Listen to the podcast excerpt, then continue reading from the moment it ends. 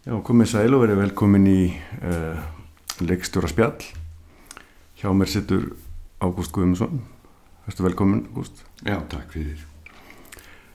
Uh, mér langar nú bara að byrja svona eins og yfirleitt uh, við gerum svona bara eiginlega á byrjuninni, sko. Já, Svona eiginlega, hérna, hvað allir því að fórst í, í þetta fag. já. Já, ég byrjaði nú eiginlega í, í leiklistinni. Að Ég var í leiklistaskóla þjóðleikúsins og uh, útskrifaðist þaðan í síðasta árganginu sem útskrifaðist úr þeim ágæta skóla. Um, ég var þar með til dæmis eh, Hjaltar Rökkvaldsinni Já, við vorum saman í skólanum.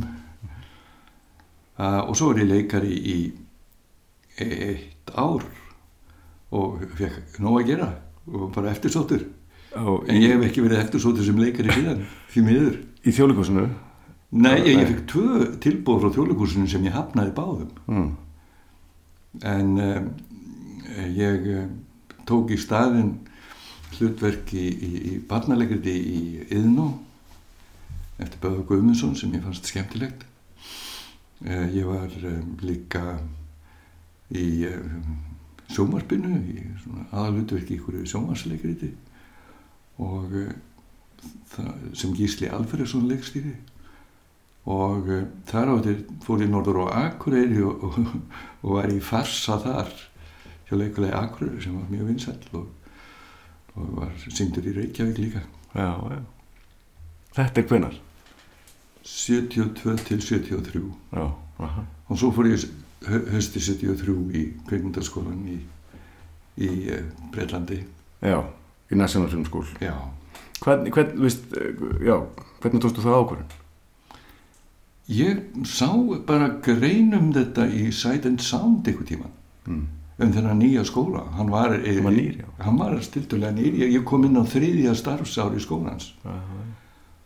Og uh, já ég, ég, það var bara upphafið En þú varst búin að, þú varst eh, með svona einhvers konar kvikmynda áhuga, vantarlega. já hann byrjaði nú eiginlega eh, þegar ég var í mentaskóla og við uh, uh, stopnum þar í, í listafélagi mentaskólans uh, kvikmyndaklúb sem að uh, þróast við kvikmyndaklúb framhaldsskólana uh, fórseti listafélagsins var Þorsteinn Helgason og hann fikk þessa hugmynd og ég var svona hans hægri hönd í því að koma þess að stað. Mhm. og þetta fyrsta starfsár uh, uh, kvikmyndas, kvikmyndaklúpsins var stórmerkilegt.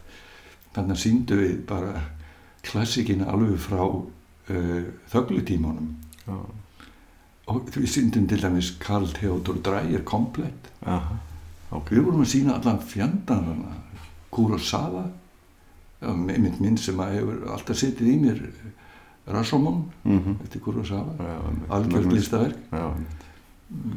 og um, og svo framvegis Hva, hvar fenguðu þið hérna filmunar? já, ég var einmitt þetta í, í því að, að, að það kom í þeim þær, þær komu mikið frá Danmörku uh, uh, Statens Filmcentral það, svo var eitthvað fyrirtæki í Þýskalandi sem sendi okkur eitthvað mm. uh, vantarlega þýsku þöglumyndina sem við síndum já, já, einmitt. og þetta, já, þetta, þetta er, þetta er hérna uh, á mennskóla árunum og svo ferði í hérna í, en svo fór ég nú í uh, uh, uh, ég, ég, ég er með bíapróf í íslensku og frönsku Já, en, og eftir, en á, um leið var ég í leiklistaskólanum já, ok, á sama tíma, já. já, Mm. Hvernig gekk það? Að mjög vel. Leiklistaskólinn var eiginlega nokkuð skona kvöldskóli á þessu tíma, byrjaði klukkan fjögur. Þá var ég búinn í háskólanum. Ok, já. En maður læri líka heilmikið á því að vera bara í þjóðleikúsinu maður var eins og uh, skuggi þar upp, upp, um allt og fylgdist með æfingum og, og var innan um leikarana. Mm -hmm, og þess vegna hef ég nú aldrei verið hrætt við leikara eins og sem er kollegar okkar Já, einmitt, já, þú, einmitt, þú kemur úr leikistin, það er, Já. ég átti að mikið á því. Þannig að hérna, og, og, og þú náttúrulega, býrða því eins og segir, í Já, mér finnst það, mér hefur alltaf fundist það að hafa hjálpað mér. Já. Þannig að það er svo kannski heimavöldurinn að mestu leiti. Mér er eiginlega leðið, ég hef eiginlega mjög lítið verið í leikhúsi síðan og miklu minna en ég hefði viljað. Mm -hmm. En uh, það er bara örlögin setja mann á þennan þessa hillu Já, já. og af henni fer maður ekkert. Nei, nei, ég veit. Hérna, En, en eru, en þess að þú hefur ekkert leikstýrt fyrir svið.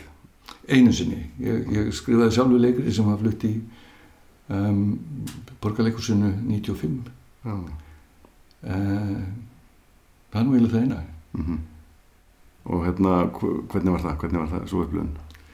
Uh, það eru mjög blendna tilfinningar sem ég hef fyrir því. Ég heldur endar að ég hafi sko uh, það hafi ekki verið heppilegt að ég fengi að leikstýra mínu eigin verki sem fyrsta verki. Mm -hmm.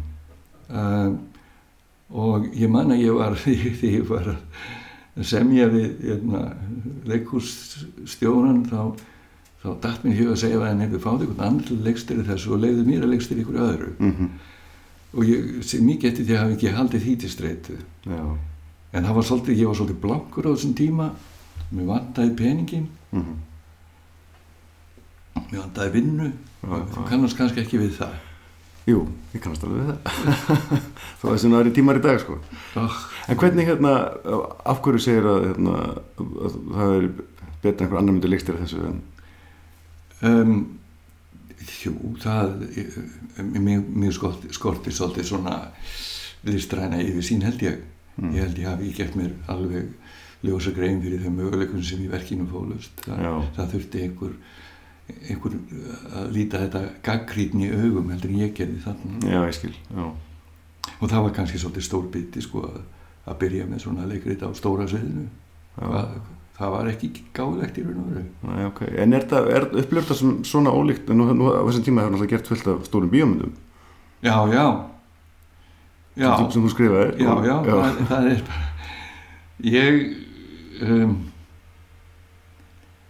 einmitt. Ég þetta, þetta var bara erfitt. Mhm, einmitt. Bara annar, annar, annar, miðl, já, það var sér skildur. já um, en svo eins og, eins og þú veist sko, kannski var handritið uh, eitthvað sem hefði mátt vinna betur í Mm og einhver utan að koma til leikstjóri hefði tuskað reytöfundin til Já. það gerði ég ekki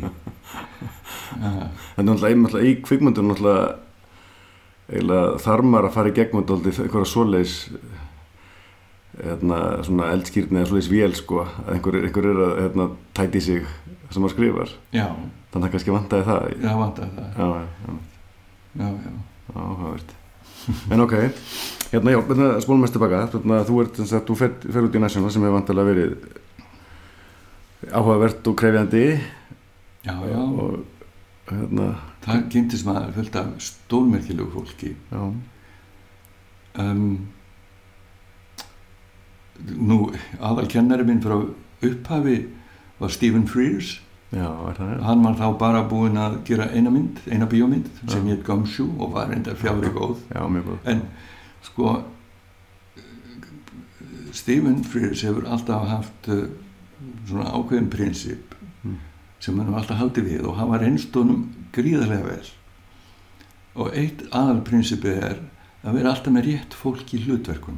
Mm -hmm, að hann sagði bara það að velja í hlutverk Mm. það er bara aðal verkefni leikstjórans að vera, Mm. vera vissum að vera með rétta fólki í öllum hlutverkum mm -hmm. um, en þetta er þessari fyrstu mynd hann er með Albert Finney Frank Finlay A- hann er með sko Já, og Finni var þarna orðin stór leikari já, já, já, já hann, hann, hann, hann fór ekki til staðin ef hann með rétta fólkinu Já, eða þegar hann var að, að, um, að vinna með reytöfundum að á þessum tíma þá var hann að gera sjónvarpsefni. Mm og þá voru reytöfundurinn sem hann var að vinna með það var Tom Stoppard og Alan Bennett. Ég meina það, það bara já, já, ekki nema það albesta já, einmitt, einmitt. Það liftir þínum örkum en, en er hérna þannig að hann var var hann einhvers konar mentor hérna í skólanum eða eða, Nei, hann var eiginlega bara, hann, hann kom bara sem svona, já, hann, hann var ekki neinu, neinu föstu starfin öðru en sem bara kennari í leikstjórn Já. og, og það voru nokkur sem að, svona, hann tók að sér eins og mig. mm Þá verður nú að segja hann til rosa, hann er ennþá að þessu, hann kemur alltaf við við skólan skilsmenn. já, var það, já, já, já hann er með magnaða fyrir Já, það hefur aldrei sko, eftir það var eins og eftir þetta eh, þennan fyrsta vetur það ég átti hérna Austin Mini já, og hann var nýbúin að ganga í skilna og var blankur spurði hvort hann geti fengið bara lánaðan bílum með að ég væri til Íslands. Já, svo hann var á, á bílnum mínum eh, og svo þegar ég kom tilbaka um hausti þá fekk ég uh, sekt. Bílnum hafði verið lagt á sebrabraut og ég Stífun hvað er þetta? Og ég, ég fyrir ekki að borga þetta. Mm. og þá sagði Stífun, já þú ert getur, losnar ekki bara þetta.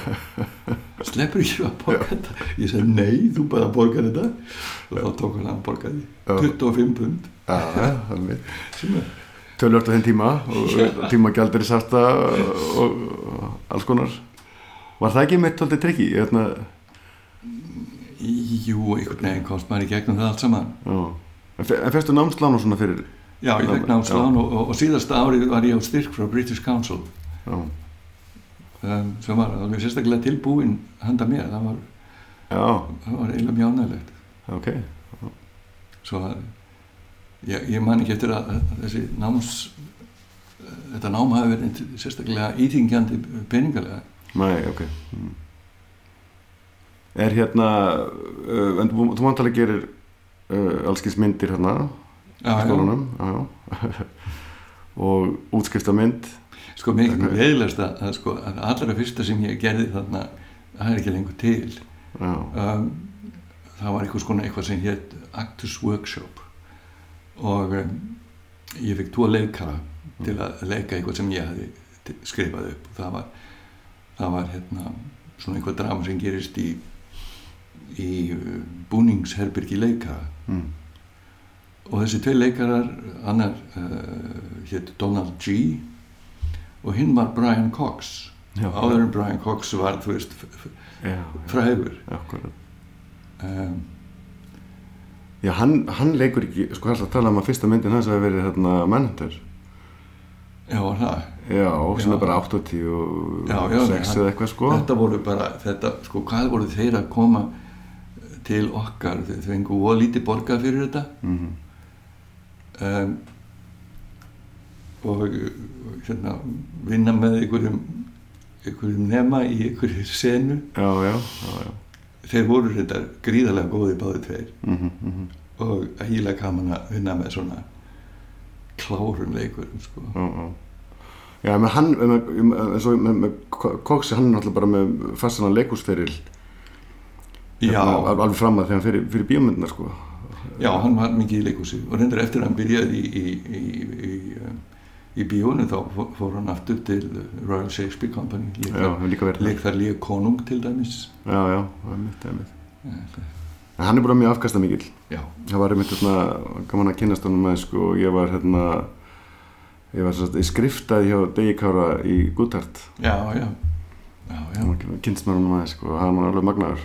Já, skemmtileg og En hérna, þannig, en, en, en satt, er, er, er þannig að þú útskrifast með einhverja mynd, eitthvað svona ákveði verkefni eða hvað, hvernig virkar þetta? Já, útskrifað skriftaverkefni mitt var uh, Lifeline to Cathy heita Mm.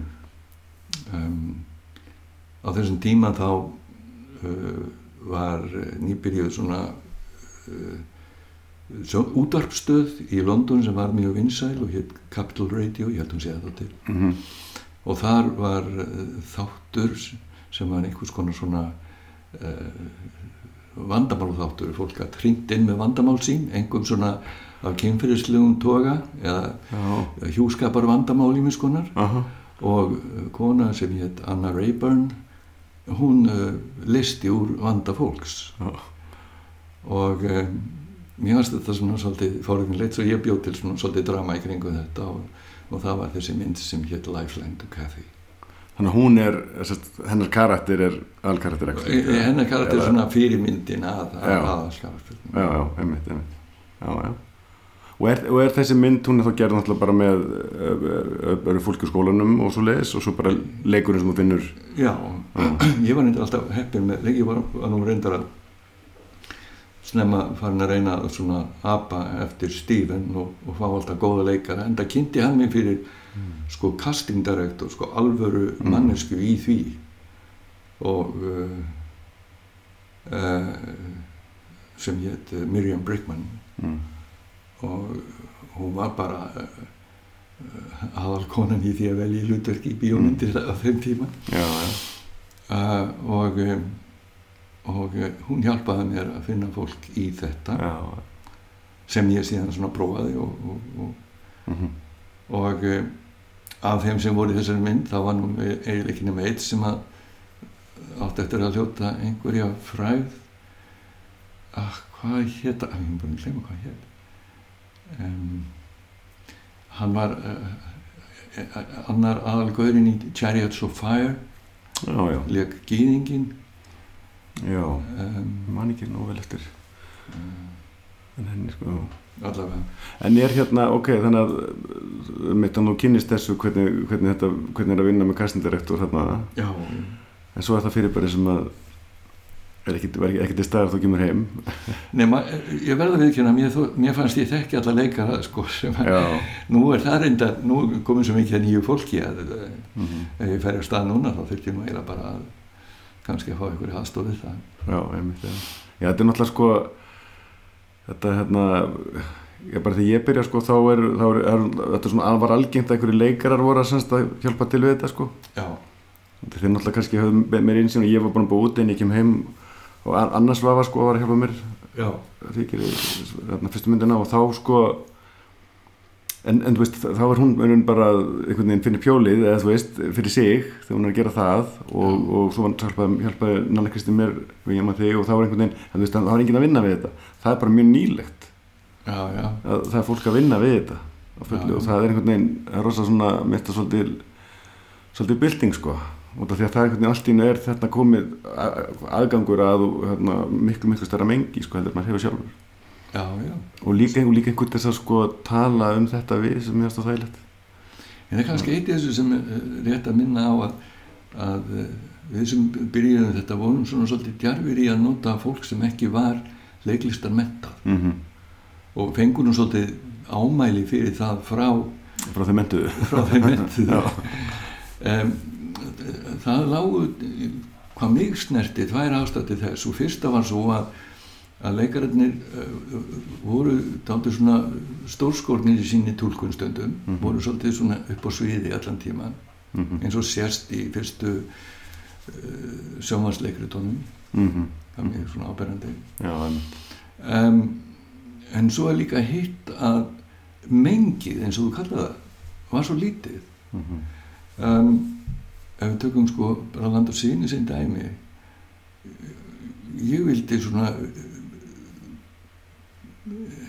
í vinnu lúin mann til að leika Mm -hmm. föður sögu já, hann, hann, var- bara bóndið ekki? Já, hann var reyndar, hann var reyndar uh, meira sjóhari já, var það já, ok. Já, hann, já, hann, uh, hann var frá Siglufyrði já, reyndar bróðir Árna Tryggvasonar þetta var Jónas Tryggvason. Einmitt já, og það er nú það er nú góð leiklistar keni í þeirri Já, ætt já. eins og þú veist. Hann, hann, hann hefur náttúrulega þekkt þetta eins Já, hann var búinn að leika heilmikið á Siglufyrði og, já, svona á, áhuga félagi eitthvað Já. já, og, en, en svo er það sem sagt að maður maður tekur þess svona áhættu með hann.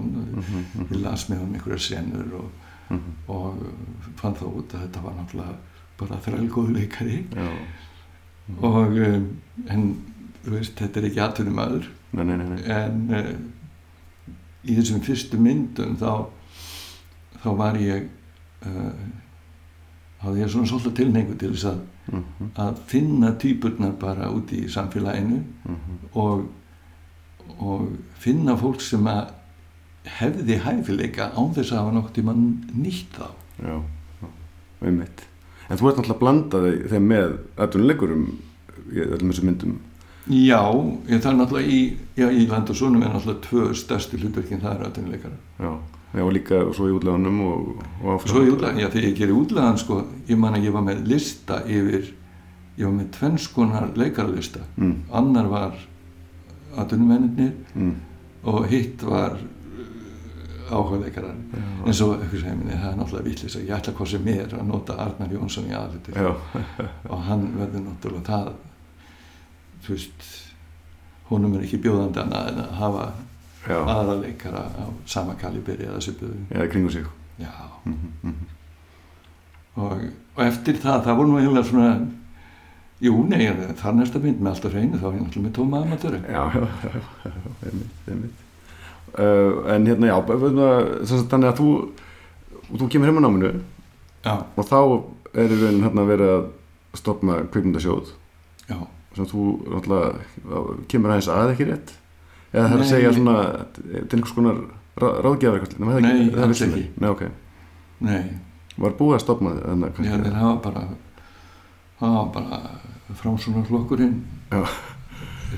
stofnaði kvikmynda Já, ok, framsökamlokkur var alltaf hérna, sjá um okkur. Ég veit ekki, það er, það er, ég held að, að Friðrik Tór sé svo eini sem hefur svona syngt þeim tilhýðlegan stuðning. Já, Ég, og jú, þráin á sínu tíma líka, en uh, það var náttúrulega framsóknar uh, ráðherra sem laði þetta fyrst fram, já, Vilhjálmur og Brú. já, já hann var framsökamæður Já, mm Ég held að þetta að framsökamflokkurinn hef ekki fullt aðkvæðum úr uh, okkar bransa eh, núna um daginn ég, þess vegna er ég nú að nefna þetta. Já, akkurat einmitt.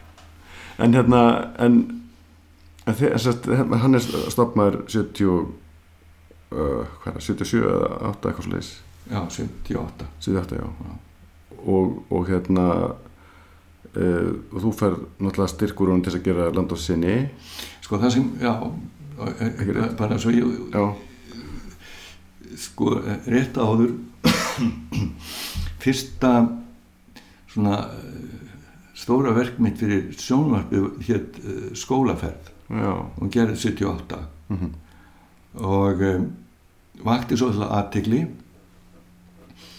uh, nógu mikla til þess að ég var til að vera með í ákveðnum umræðu þætti um framtíð íslenskar kvikmyndagerðar hjá Eyði Guðnarsinni Já, ég, það er það sem ég er að vísa til og þar, Já, já, það, við höfum náttúrulega engin þannig áhrif á einni neitt. Nei, nei, nei, nei. nema hvað þarna var uh, Indriði G. Þorstensson Sörg Pálsson Þráinn Tórótsen við vorum þannig fimm saman að ræða þetta. Mhm, og það var mjög augljóst að þeir bjart sínustu voru við Indriði. Mhm, við vorum þeir djörfustu.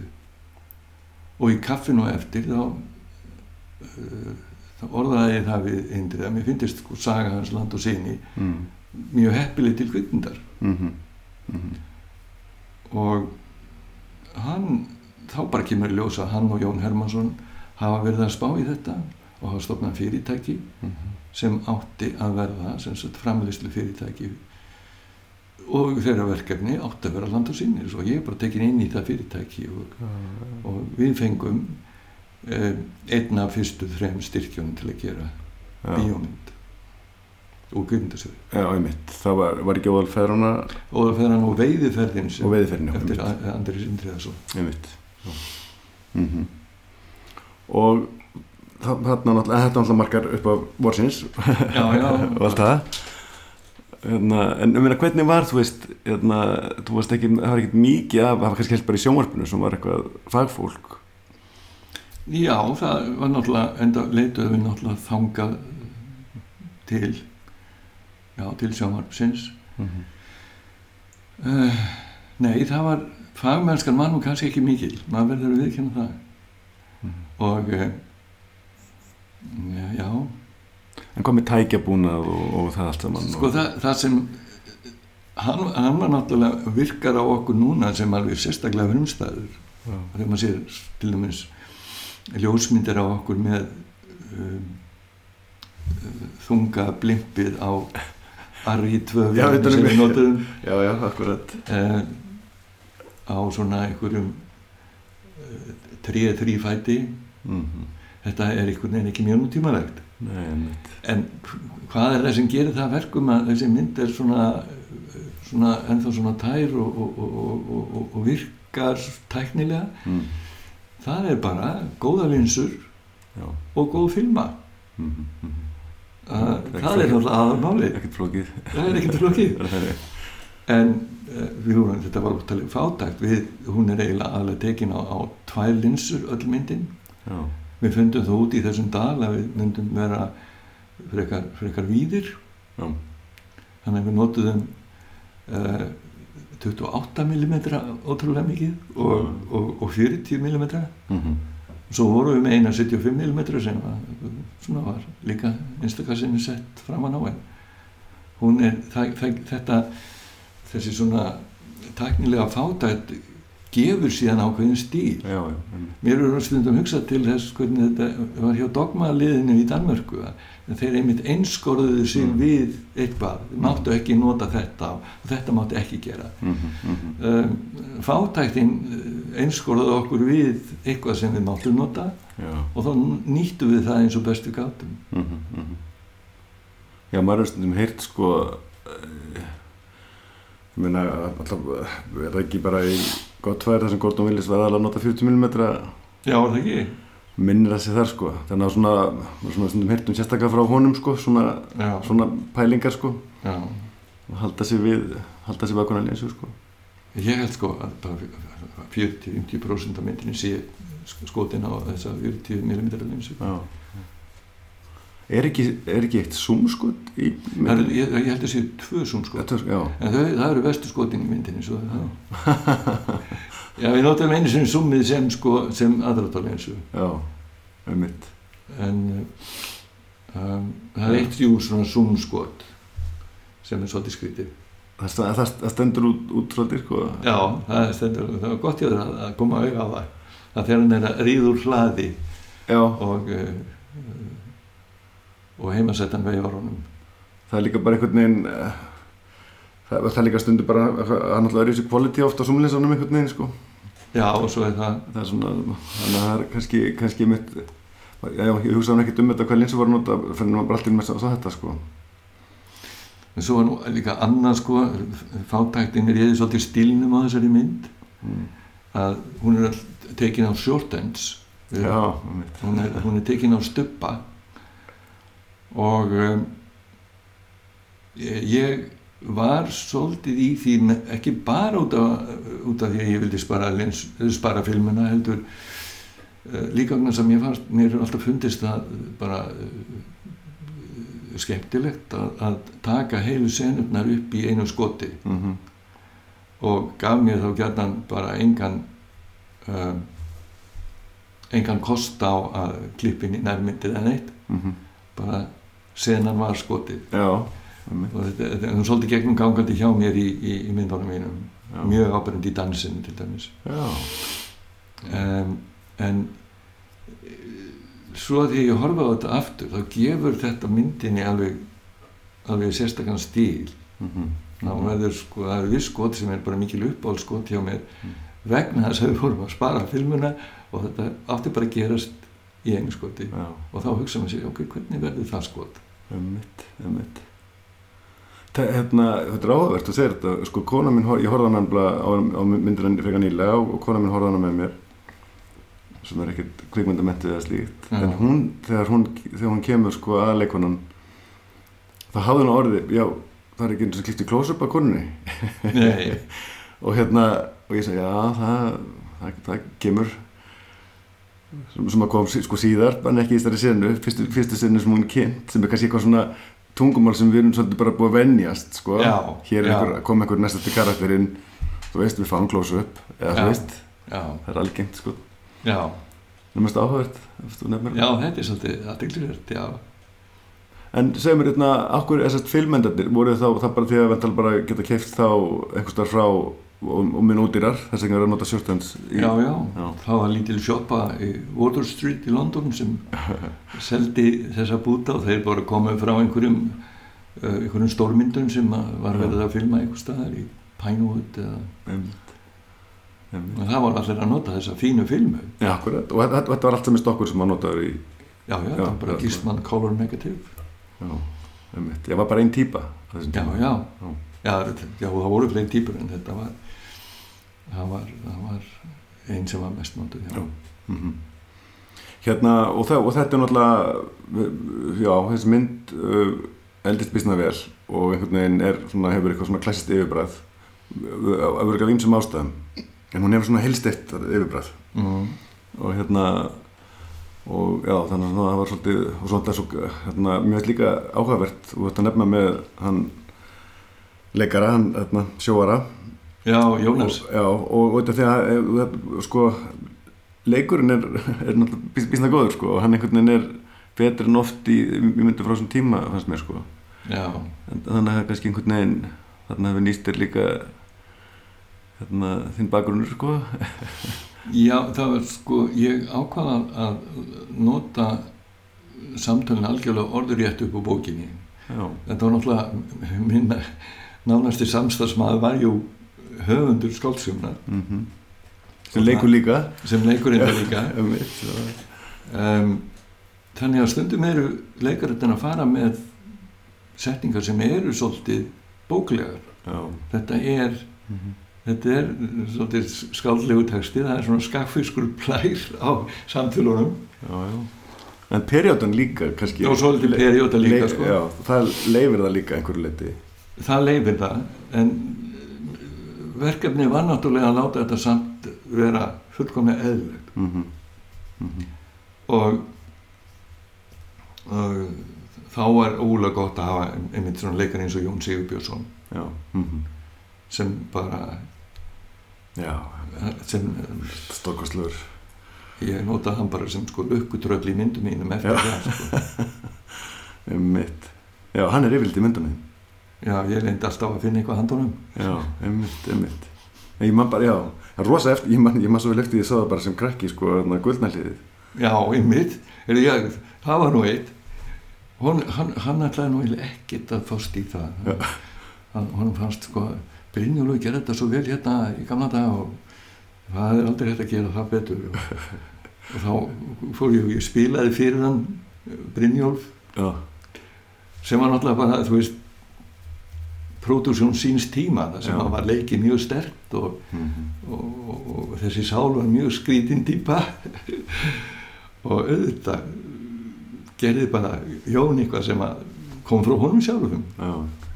og hann hafði á endanum ólega gaman að þessu. Það er rosa eftirminnlegt. Hann, hann fara alveg uppáhald hjá mér út af þessu, þessu verki, sko.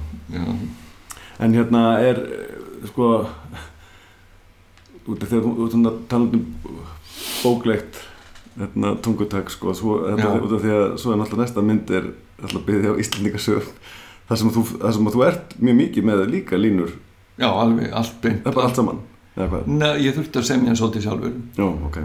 uh, og ég, ég, ég fekk nú átölur fyrir af því sko sem ég bætti inn í eins og Mm. þegar ég lætt tinnuð segja alltaf sami grjótkastarinn sem er náttúrulega bara, bara reikvist göttumál um, en uh, það, það, það sem að var til af samtölum er, er þarna í í andritinu. Þannig að, þannig að þú, þannig að það er alveg, hérna, menna, viðst, það, það, er auðvitað stór ákvörun, sérstaklega, menna, þetta er nú, þetta er náttúrulega Íslandingarsöðuna sem er okkur svo kærar, sko, Jú, jú. en um leið er þetta oft mjög erfitt tungumál og erfitt að láta það virka eðlilega. já, Þannig að það hefur vantilega verið ákvörun sem þú þurft að- taka, já. halda þig við það og, já, ykkur að hluta, kannski vegna þess að ég var komin þarna úr íslensku náminu þá langar mig til að vera trúr þessari sögu. Já, einmitt.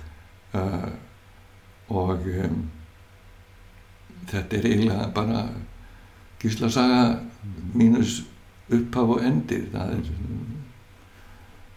um, Já, hún er byrstna trú. Sem- ég, mér finnst það já og mér finnst að ég tek þú veist um, hugmyndir úr uh, vísunum sem að Já. Gísli er að yrkja svona Já. um, um, aðalega um draumfari sínar Emitt inn í drauma, já, emitt. og, og ég reyna að gera úr því konar myndmál og, og, og búa til þessar þessar uh, vitrannir hans myndlega. Mm -hmm. uh, það, var, það var svolítil pæling. Mhm. Þetta er rosa metnaðar full mynd. Mm, og hérna og örgulega sko þú náttúrulega með svona býr í segljónum eftir landa sinni. Mm, og þannig að hvernig hérna já þú, ég meina þú veist bara við getum talað um bara hvernig sko þú tekur ákvarðum að fara í þetta verk sko þetta er náttúrulega já. Það að fara eitthvað einfaldara. En, en uh, þetta var einhvern veginn sjálfsæða framhald sko. Og, og ég hafði alveg stuðning bæði Jóns Hermannssonar og, Indriða Þorsteinssonar mm í þessu máli. Já þeir voru, já einmitt, ég svo Jón er Þeir- náttúrulega já, já, Þetta er að sama fyrirtæki. Þetta er bara sama fyrirtæki við bara heldum áfram. Já, já, þetta var fyrirtæki sem sko gekk alveg ákveðlega í tvö ár þá til við þurftum að fara að borga skuldinnar af útleganum já, já, já, já. Það gekk reyndar ágætlega eftir það líka. Það, er, eh, hún, hún átti eftir að seljast svolítið til útlanda og hún, hún fór allstað í sjónvarp og, Mm. og, og, og, eh, og í, í, í, námskagnastofnanir á Norðurlöndum og, og reyndar er ennverða að sína hann í háskólum í Bandaríkjunum Já, já. sem einhvers konar svona sínisotna af, af vikingatímanum. já, já, já. Og ég meina eina myndin sem er svona hefur gerð beint upp úr upp á sögu, já, já, hún hefur, hún hefur þann status en þá já. En akkur heitur nútlegin ekki Gísla Sæðar Súsunar? Uh, Indriði á titilinn. Já, hann vildi endilega kalla þetta útlagan ég sagði bara allt í já. En hérna, um, var, en þú skrifar handritið, já, hann, hann kom ekki að því, Nei. nei, nei, nei, hann kom ekkert að því. Nei. Og hvernig, ég meina, hann að hann þú, skrifaði þessu bók sko eftir handritin og hún kom út. Nú, var svona á þessum tíma þá þá voru, voru stjörnustriðismyndirnar og það, er, það var alls konar svona söluvara sem fylgdi þeim mhm, og meðal hans bækur myndskreittar mjög og um, það var útgefin svona myndskreitt útgáfa af svona einfaldari mm, sögunni í gegnum þetta segja, sé, það er að segja, það er ekki sko Indrið tekur ekki ekki söguna mm, það er að segja Gísla Sögursson hann tekur handrið mitt sem er eftir sögu Gísla aha, og býr til úr því nýja sögu já, já. og þetta er svona skemmtileg bók en Og með myndum úr bíómyndina? myndum og Já, bíómyndir vá, hvað er þetta að sjá þessa bók? bara heima hjá mér Hann bara, eitt eintak til. og, og höllum betri bókasafnum Já, já, þetta vissi ég ekki. Þetta var bara svona hugmynd frá honum af því að hann var náttúrulega mikið í bókáttgáfu og Já, mér hefði, aldrei dottið þetta í hug nei, nei, það var nú mjög gaman að vinna með Indriða hann var daldið sérstakur sko. Ótrúlegur karakter sk- skemmtilegur, Já, þetta er ekki. Magnað bara vel, náttúrulega þessu flottur rittundur já. mhm. Og greinilega bíóinnandi. já, já, mikill bíómaður Já. Er hérna, þegar, þegar þú aðlegar, hérna, náttúrulega, í fyrirtæki með honum og varst að aðlega bóka eftir hann. Hvernig var, var að vinna með honum í að því? Eða, hann- hvað, hann, hans bara, aðkoma? hann bara vildi ekki neitt vita af því. Nei, og svo fekk hann bara handritið. Mm, og það eina sem hann breytti mm, var stólræðan sem hann flutti sjálfur. Já, það er að segja líkræðan. Já, já. Að ég hafði, hún er ekki til í bókinni svo ég var búinn að búa til eitthvað sko já, upp úr svona náttúrulýsingum í bókinni. Já. en hann hætti því öllu saman og, og skrifaði bara nýja. Hann við vita þá að hann, hann myndi fara hérna, Já, ég var búinn að- ráða þetta ekki sko. Já, já, þetta er náttúrulega ákveðin forréttindi leikar að geta vasast í hérna, díalógnum. En hérna já, þann, mér, hérna, ég hef gert alltaf þessu aðlega bækur, sko já, og það er mitt ímist sko að hérna, höfundar hérna, eru bara mjög involveraðir og hérna, áhersamir og allt það. Og, en e eða svolítið vilja vera bara í fjarlæg sko. það verið mín upplifun. Já. Já, það er þegar kom að máalátri til dæmis þá já, kom Kristín Marja ekkert að að því og, Mhm. og hafði eiginlega mjög lítið um handrið að segja þegar hún fekk það en ég held að hann bara við til dæla sátt Mhm. Það er auðvitað einhverju leiti einhvern hotlast kannski að gera þannig sko. þannig ertu bara að láta þetta eftir annar miðill og, já, það er en, en auðvitað hafa líka rítuðundar sko, hérna, eina már og eða ymsir sem hafa komið að handagerðinni og líka gengið vel sko. já, já, ég, ég vil gætna prófa að unnast þannig einhver tíman en ég hef bara aldrei gert það mm -hmm. Er mitt já en hérna aftur á útláðinu sko hérna, segi, mér er svona svo mér, já, er mér er svona svo hérna, svona metnaði full og mikið stórmynd. Mm. og hérna svona einhvern veginn bara hún hefur verið erfið að gera. Já. Og við völdum ekki alveg auðveldustu lausnirnar eins, eins og uh, þetta með að vera trú, trúr sögunni það kostiði það að við vorum á einsum uh, tökustöðum sem voru erfiðir mm -hmm.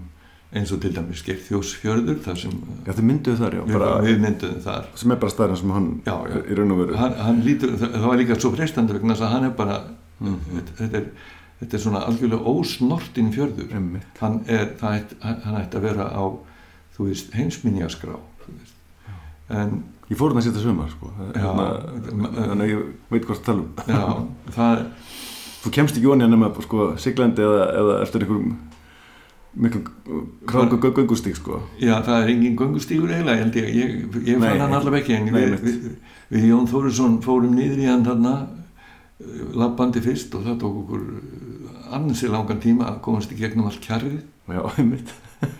Um, svo vorum við til dæmis út í já, en það er líka, sko, þessi staðir eru magnaðir eins og þetta ótrúlega flotta vaðsteinaberg þar sem, sko, bó, sagan er skrifuð inn í svo flott landslag. Það var einhvern veginn ekki annað hægt en að að nota það. Að nota en þetta var þetta heilmikið vesen að fara á alla þessa staði. Já, og svo gerðum ég okkur ekki lífið neitt letara með því að velja Hítardal sem dalinn þar sem að bæirni voru. Þá, ég líti á það eiginlega bara sem mistök sko, það, við hefum eh, verið miklu betur settið bara hérna einhvers þar í grendur Reykjavík sko. Já, já. Og hún er tekin uh, ólíkum ástíðum líka ekki já, við byrjuðum á vetrarsennunum Já, fórum svo í einu sennurnar og tókum svo sumarsennurnar já. Svo þetta náði yfir áhverjulega fimm mánu tímabil. Mm -hmm. mm -hmm. Hva, Hvað margir tökur það heldur? Svona, það var hellingum ég man það ekki, nei, nei. En 40 kannski. Mm Já, maður, en, hérna, en hún einhvern veginn fyrir vikið hún fær þennan svona stórmynda blæ sko, með þessa tökustæði og já, það vandandi verka leikmyndi líka já, já það var sko þetta byggja upp alveg heilmiklu torfkofa torf, torf mm -hmm. á þeim tíma sko þá kefti ég mína fyrstu íbúð á hverjuskutunni mm. og hún var ódýrari heldur en þessir tveir torfkofar sem við byggðum hann upp í Hítadal það var vegna þess meðal annars það var bara svo erfitt að með aðdrætti allarleið þangað Já. upp eftir sko einmitt. og svo já já, þetta var endalust bast Mhm. en einhvern veginn eh, og hafðist sko allt Mhm. þú segir að þetta að, að það komi að skili sér upp á tjaldi ég er ekki alveg viss um það ég held að við höfum að geta fundið miklu einfaldari lausnir sko. Já, það kannski er einfaldari en mér, finnst alveg sko, sko náttúran er karakter já, það minnst það alveg augljóst einhvern veginn já, og náttúröflin já, já. og og þú veist að það er auðvitað eitthvað sem að sko ef að gera í, bí- gera í bíó þú veist það, það mun alltaf hérna, vera erfitt sko einhvern veginn. Og það, það er að fara á þessu staði og þó kannski eins og, eins og segir kannski með bóndabæina kannski hefur, hefur geta gert eitthvað einfaldara Já, ég held, ég, það er eiginlega það sem ég hefði viljað. En ég var bara búinn að fara þannig upp í Hítardal og skoða þetta og var svolítið hrifin af sérstaklega leiðinni upp eftir sem er notuð talsvert í, Já. í, í sérstaklega í senu þar sem verið er að elda gísla. Já, Svo, svo kemur heima bænum og maður spyr, er ekki ykkur hellir hérna í grendinni? Jú, hann er hérna bara rétt upp, upp í fjallinu. mm. og þá var það náttúrulega alveg tilvalin hellir sem við þurfum að nota en jú, jú smá vesen já, einmitt, einmitt, einmitt. En það, hérna le, leikararnir þarna já uh, það er alls konar leikarar sem ég veit ekki hver eru í þessari mynd. Þannig að Alltaf maður þekkir líka auðvitað mjög marga. En, en er, er, er, er í bland þarna einhverjir sem eru, eru áhugaðlega þess að eru ekki mættaði leikarar? Einhverjir Já. típur sem þú fannst? Já, mm. það eru nokkrir. Það er til dæmis já, já, það eru nokkrir. Mm -hmm. en uh, megin þungin er nú á, á atvinnuleikurunum. Já, uh, uh, það er náttúrulega Arnar Jónsson mm -hmm. og uh, Þráinn Karlsson leik bróður hans. Mhm.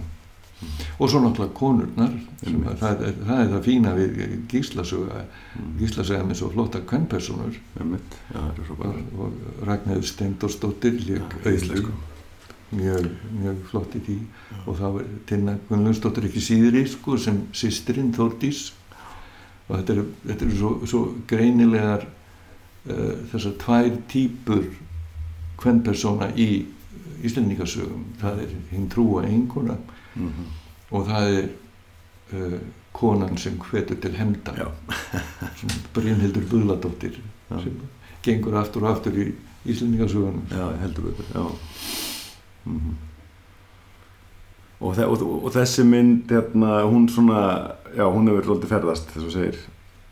Já, hún, hún hefur átt heilmikið líf sko og ég til dæmis ég núna bara síðustu árið í tvísar eru hengið til þess að halda fyrirlestra um vikingamyndir í, í, í bandaríkjunum á bandarískum háskólum. Já, og, og senjanskipti var ég sérstaklega beðin um að, að bara taka útlagan fyrir já. um, vegna þess að nefndunir þetta var svona partur af, pensuminu að, Aha. að sjá þessa mynd En var hún ekki, hérna, eins og fyrir hérna á Íslandi, hún gekk ekki eins vel og land og sinir þessar sem komu fyrst eða hvað? Já, nei, hún, það komu ég held að vera 82.000 mann sem komu að sjá hana Já, ekki neitt. það, þetta var það þessum tíma sko, þetta, nei, hún fór ekki yfir 100 eins og land og sinni sko. Nei, einmitt, einmitt, einmitt. um, en það var nú það var nú svo gaman en þetta næri ekki til ég, Jón var einhvern tíma búin að rekna það út hversu marga við þyrftum að fá það voru 140.000 Já, var það? til að borga upp myndir svo eins og ég segi er, Erlend Sala hjálpaði okkur mjög mikið þegar til kastan kom já. Var eitthvað ellend fjármagn í... nei, Nei. ekki neitt Nei, það var, það var fyrir daga. Erlends fjármags Akkurat, akkurat. Það er ekki fyrir nú fyrir í dansin eða hvað sem er. já, sem ég á, er í því já. Já. En eftir útlæðan náttúrulega kemur önnum mynd sem að heldur betur var vinsæl Já, uh, með alltaf hreinu. já, Þessar myndir eru bara ár eftir ár eftir ár. já ég, ég, á fimm árin gerði ég fjóra bjömyndir Já, það er ekkert smáran. nei, það var stannum fast ég var bara í stuði Já, heldur betur. en með alltaf hreinu náttúrulega er alveg, hún náttúrulega stendur alveg út úr í þínu svona höfundaverki já, á alls konar ástöðum. já, já það, það er það, þetta er hún bara heldur áfram að, að, að lifa þessi mynd það sama Mm -hmm. Mm -hmm. og eh, sem er náttúrulega mjög skemmtilegt ég man að í, í, í gamla dag var ég hugsa maður eftir að gera mynd svona eins og The Wizard of Oz. Mynd svona sem að uh, nýjar kynsluði geta séð aftur og, eða sko þess að þetta sína nýjum kynsluðum Aha. endalaust. En svo bara rambaði á að gera svoleiðis mynd. Og en minna þú veist, svo mynd einhvern veginn, eh, sko öll, tilur hennar og, og, og hvaðan verður vinsal, þetta er alltaf vantalega alltaf óvænt og einhvern veginn eða þú veist, þetta er, þetta er ekki þú, þau er ekki með vantalega, sem hann svo því, hvernig, hvernig verður þetta allt saman? Já, og það er nefnilega, það er einhver þjóðsaga, sko Já, það. það er náttúrulega útilokk að gera svona mynd á þess að vera með Lögin alltaf þurfa að vera í lögin þurfa að vera til Já, og uh, þá þarf þá þurfa lögin að vera í einhverju svona flútti við, við það sem gerist í myndinni Mhm. Ég var uppalega fenginn til þess að gera handrit eftir tífólíplötunni Já. og ég skoðaði það og fann það mjög, út mjög fljótlega að það væri bara ekki hægt ekki á Íslandi Mhm. það væri ekki hægt að vera með neins konar svona tífóli Mhm, mhm. það væri bara ekki hægt að búa þetta til Einmitt. Eins og e, e, e, þetta er nú sniðu plata þessi þemaplata þeirra Mhm. tífóli með þessum öllum þessum frábæri lögum sem ennþá lifa. Já, og, eh, og þannig að ég hitti það nokkrum sinnum og vorum að spjalla saman og, og talið barst mjög oft af bara þeirra starfi og sveitaböllum og um, alls konar sögur sagðar úr bransanum og e, það er semst algjörlega mín hugmynd að þessi mynd fjalli um hljómsveitina sjálfa Mhm. Mhm. og það er líka mín hugmynd að bæta við hvenna hljómsveit sem er að keppa við þá Já. Aha. og ég bjóð til sögutráð og handriti sem er til það er svona atriða handrit það Já. er uh, róma 40 síður Mhm. Það sem bara útlista hvað gerist í hverju atriði Mhm. Mhm. og þar eru söngtekstar komnir Mhm. en ekki samtöl Nei, og það eru samtölin sem eru, eru improviserið, þau eru spunnin á staðnum. Mhm. eða líka við vorum, vorum á fundum heima hjá mér aðalega Mhm. þar sem við fórum svona bara vorum að spinna bara yfir eldursporðið Já. Uh, og þar gerðist ímislegt skemmtilegt sko. En var, þú veist, það, það var minna, þannig að hann- hann að þess að það bara vita hvað á að gerast og, og kannski einmitt svona ákveð eitthvað einhver, já sko, einhver líki að með sko, þá, þá er þetta nú bara í raun og veru tiltölu einfalt hver sena í svona mynd mm. er með bara einhver ákveðin ein skilabóð í mestalagi tvenn Mm. um, og þú segir ok, þessi sena fjallar um það að gærurnar eru hættar og það þarf að taka ykkur ákvörðun um framhaldið Já. Mhm. um, og svo koma allir saman og, og, og byrja svona að hvað uppu sér og, og svo kemur svona við tókum hefum ekki tíma í þessar í þennan að þegar- þegar bara á að staðnum þegar er að taka upp samt eða hvað Nei, Nei, bara í undirbúning. Í Já, undirbúningi já. að upptökunum. Aha. og bara meðan beigð tökuliði Já, og en svo þegar séðan sko, svo vorum við búin að taka úr þar sem okkur fannst kannski ekki máli skipt og þú veist alltaf þegar verður þeirra að spinna svona senur þá verður það alveg endalausar. Já, mhm. og ég var aðalega í því bara að svona henda burt smælkinu Mhm, mhm. en halda svona gullkotnum eins og það verður engin rúta. Það verður langferðabíl eitthvað, eitthvað svona. Já, já. Og þetta einhvern veginn vall upp úr þeim svona þessi, Aha, þetta bull allt saman. Aha. um, sumt var til reyndar bara í tökunum. Uh, e, e, e, sko, einhvern, einhvern, svona, mjög skemmtilegt tilsvar e, þegar þau eru að þau eru að syngja ástardúðin fyrst Mhm. og það er komin svona upp ykkur nýsklíð milli söngurana já, og, og Egil segir þetta á að vera eggjandi já, og hún segir verð þú bara í því já, Aha. og það fannst mér svo, það gerist bara á staðnum já, já. í tökunni Í tökunni, já, já. og bara datt röggu allt í nýja og segir verð þú þá bara í því Aha. en hvernig er að gera svona mynd á þessum tíma, þar sem að þú ert að rúla filmu Já. sem er dýr og hérna, þú varst að segja þannig að þú varst að nota sjórstenda í hérna, alla fyrstu myndina og svona Þannig vorum við semst með 16 mm. Já, Hún er alltaf tekin á Super 16 og mér fannst ég geta alveg spandirað henni. En þessna fór líka allir tími í að æfa atriðin áður en þau voru tekin. mm -hmm. Þetta var ekkert algjörlega frjáls spunni á filmu. Nei, Þetta var svona mótaður spunni. Já, en enga síður sem er samt En það var, það aldrei alveg eins. Nei, Og þess vegna var ég með sko tvær eða þrjár m- myndavélar já einmitt í þessum samtalsennum Akkurat uh, Til að geta klift og til að geta klipta Já. saman. Mhm. Það var ekki takt að klippa það saman öðruvísi. Nei, einmitt, einmitt Það alltaf líka ákveð frelsi fyrir leikarana Já, já. Og, og, og þetta var lið sem kunni að færa sér það í nýtt. Þetta var svo Já, frjálslegt og fyndið fólk. einmitt, einmitt Þannig er náttúrulega Egil náttúrulega vannur hérna Já, Egil, var náttúrulega aðtöfnuleikarinn, Já. það er alveg rétt. en, hin, en engin hinna Þeir eru bara, þeir eru bara hérna skemmtikraftar Nei, en þetta er bara samt, hafandi verið á sviði svo mikið og Já, já, já, þá, og svo er þetta bara, þetta er bara fyndið og greint fólk.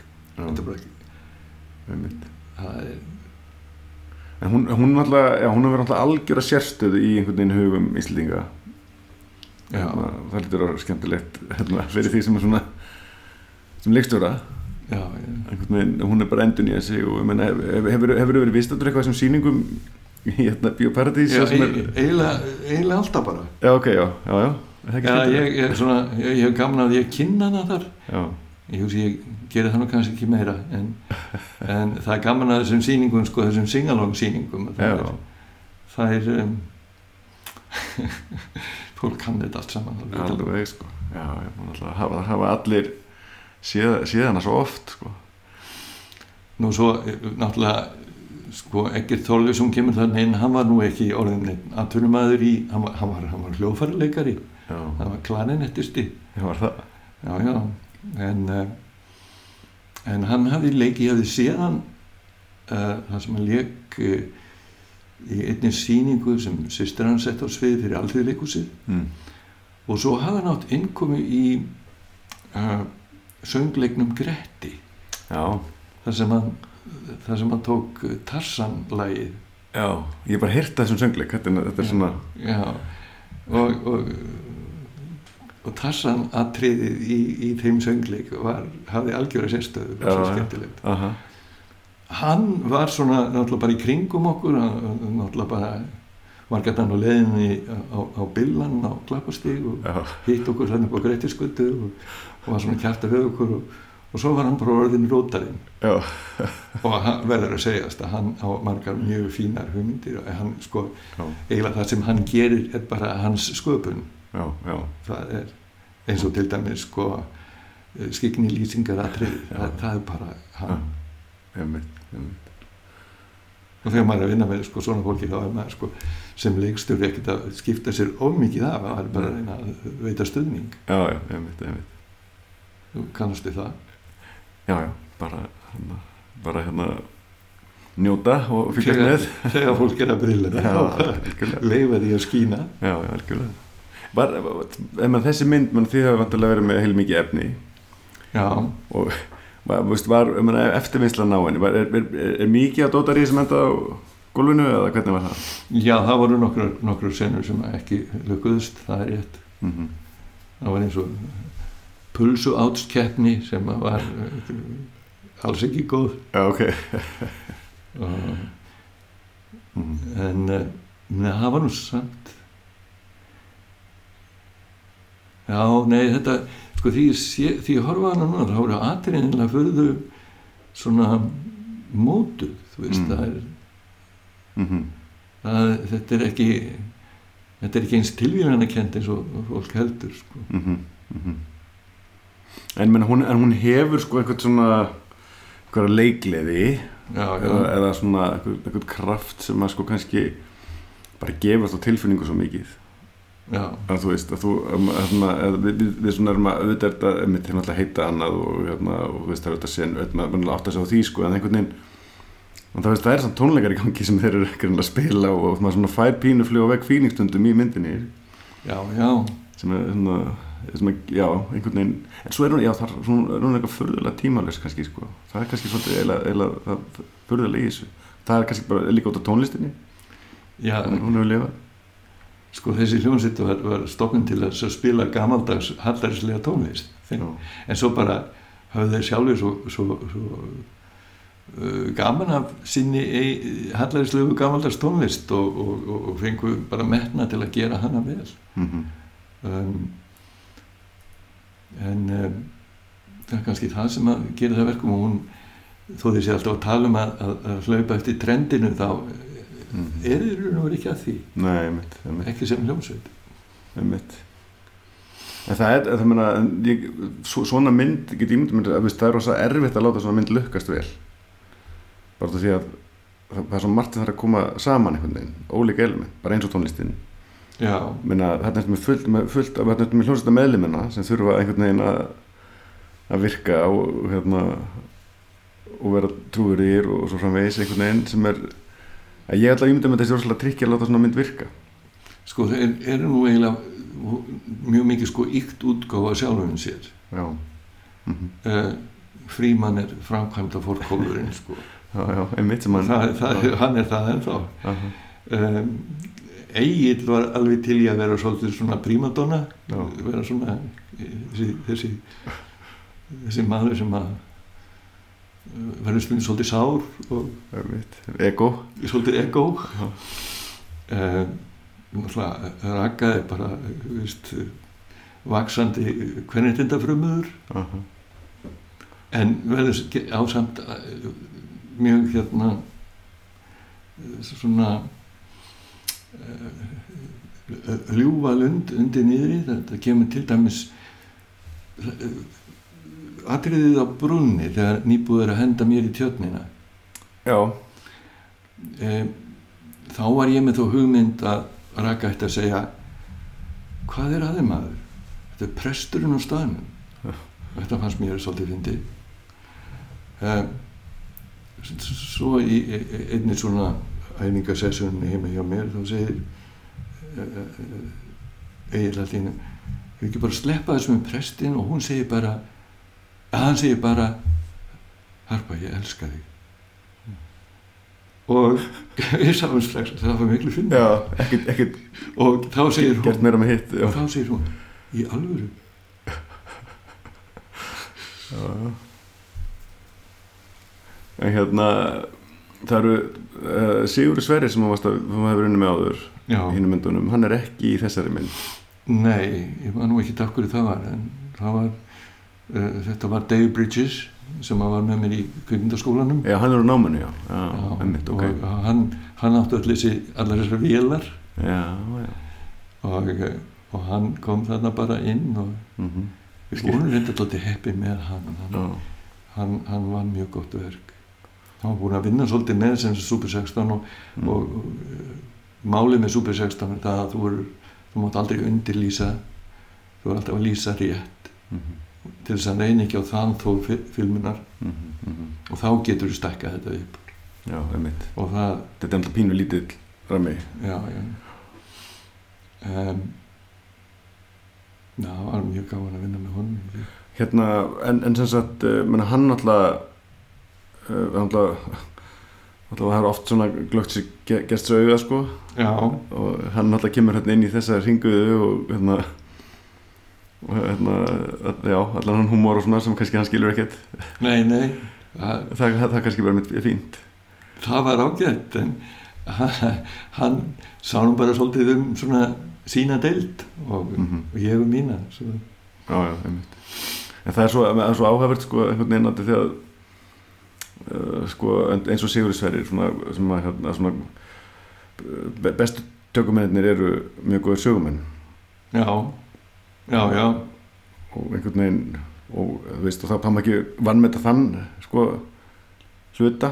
Nei, og svona en, en, en svo er mitt eins og kannski þarna þá kannski er, er, er veist, þá kemur hitt bara. Það er líka mitt að líka oft þetta er oft gott líka það bara er en, en, þegar eins og ég glögt sér gett söga sko, eru, hann er bara ta- takinn sem er í gangi og kannski hegða sér hans öðruvísi heldur að hann myndi gera ef hann væri innvolverið í sögun einhvern veginn Já, það var stundum sem hann var svona, svo- stóð svolítið utan við þetta. já, Eh, Stundum, eh, það urðu náttúrulega einmis svona atrið bara til eftir við vorum byrjuð. Mhm, og meðal annars þá eh, bauðst Július Agnarsson hljóðmaður okkar til að vera með atrið í hæfileikakeppninni. Mm, og ég spyr hann hérna, hvað hva, hva skonar atrið er þetta sem þú ætlar að vera með? Og hann sagði já þú fær bara að sjá það. Og, og svo fer ég til tökumannsins og tökumann spyr náttúrulega hvað skonar skota þetta að vera? Og, og þá fór ég hafði til Július og Július við þurfum eiginlega að vita hvernig hvernig við erum að stilla vélinni og þá sagði Július uh, bara hafa það svolítið vítt já, ok, svo ég ég fyrir til aftur til til Dave og segi við hann við ætlum að hafa bara vitt skot beint á senuna ok, segir hann og svo bara setti þetta í gang og því að Július ætlaði bara að gera þetta einu sinni. Já, og svo gera hann þetta einu sinni. Og þetta var náttúrulega bara að fyndi og eins og þegar það búið þá segi Dave mig ég hefði nú viljað vera aðeins nær og ég fyrir til Július og segi við hann okkur langar til að taka aðra tökku að þessu aðeins nær getur lift okkur að sjá þetta aftur mm, og þá sagði Július já. Já. þannig að þetta er önnur taka sem við sjáum já, já, já, ok. Um, en þetta var, já, hún, hún náttúrulega, hérna, slæri gegn myndin mm. Og hérna, þetta er allt, þetta er náttúrulega eftirminni tímar náttúrulega. já, þetta sk- mjög skrítin tími sko. Og svo líka, sko, eftir þetta var hljómsveitin svo gríðarlega vinsæl. Já, þetta keiriði uh, vinsaldir þeirra upp þannig að þeir voru bara sveitaballa hljómsveitin Mm. næstu sjö árin held ég. Mhm, og með gríðarlega tekjur að, spila með skútum alls land. Já, þetta voru þeir tímar já, já, nákvæmlega. Uh, en, en sem sagt, uh, svo, svo, svo ferði ég aðra mynd mjög fljótlega sem er, hérna, gullsættur já, og, en hún, svo mynd einhvern veginn er, hún er svona örgulega minnst þekkt af myndanveginum já, einhvern veginn, hún svona einhvern veginn já, hvað, hérna þetta hinnar er náttúrulega, er, er, allar svona einhverju svona, svona, einhverju svona tindar í íslenski fjölmyndasögu Guðlandur finnst mér alltaf að hafa veginn aðeins uh, týnst einhvern veginn. Já, ég á kannski svo að sög á því sko, ég, ég vildi til dæmis aldrei gefa hann út á, á, á. Vaff HS um, ég eh, því að ég var bara á móti þeirri tækni mér fannst hún svo ómerkileg mhm, Uh, ég vildi bara ekki að myndi það mér væri, væri síndar á, á, á einhver dilla sem ég já, það hefur ekki hjálpað. Um, um,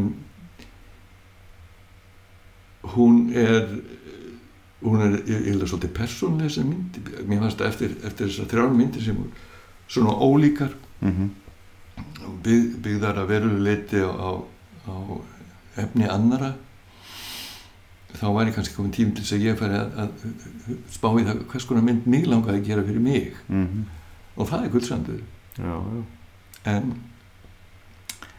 og, og hún svo, henni var á- ágætlega tekið hún fekk, jú, það voru 30.000 mann sem sá hana og, mhm, og, eh, og hún fór heilmikið út um heiminn. Já, um, en um, en svona hefur kannski svolítið ég held að það sé rétt hjá þér sko, ég held að þetta sé bara þannig að hún var ekki aðgengileg. Já, hún var sem, ekki. sem hérna, þú veist að það var ég, meina, ég, ég man ég sá hana bara þannig að hann kemur út sko, eitthvað þannig. Ég, hérna, en svo bara hef ég aldrei síðan síðan. Nei, nei, nei, nei, það er en, en hérna, ég man að mest efni efni rosalega áhugavert sko. bara svona já, já, krakkið úlengur eitthvað hvernig, já, það er síðan sko.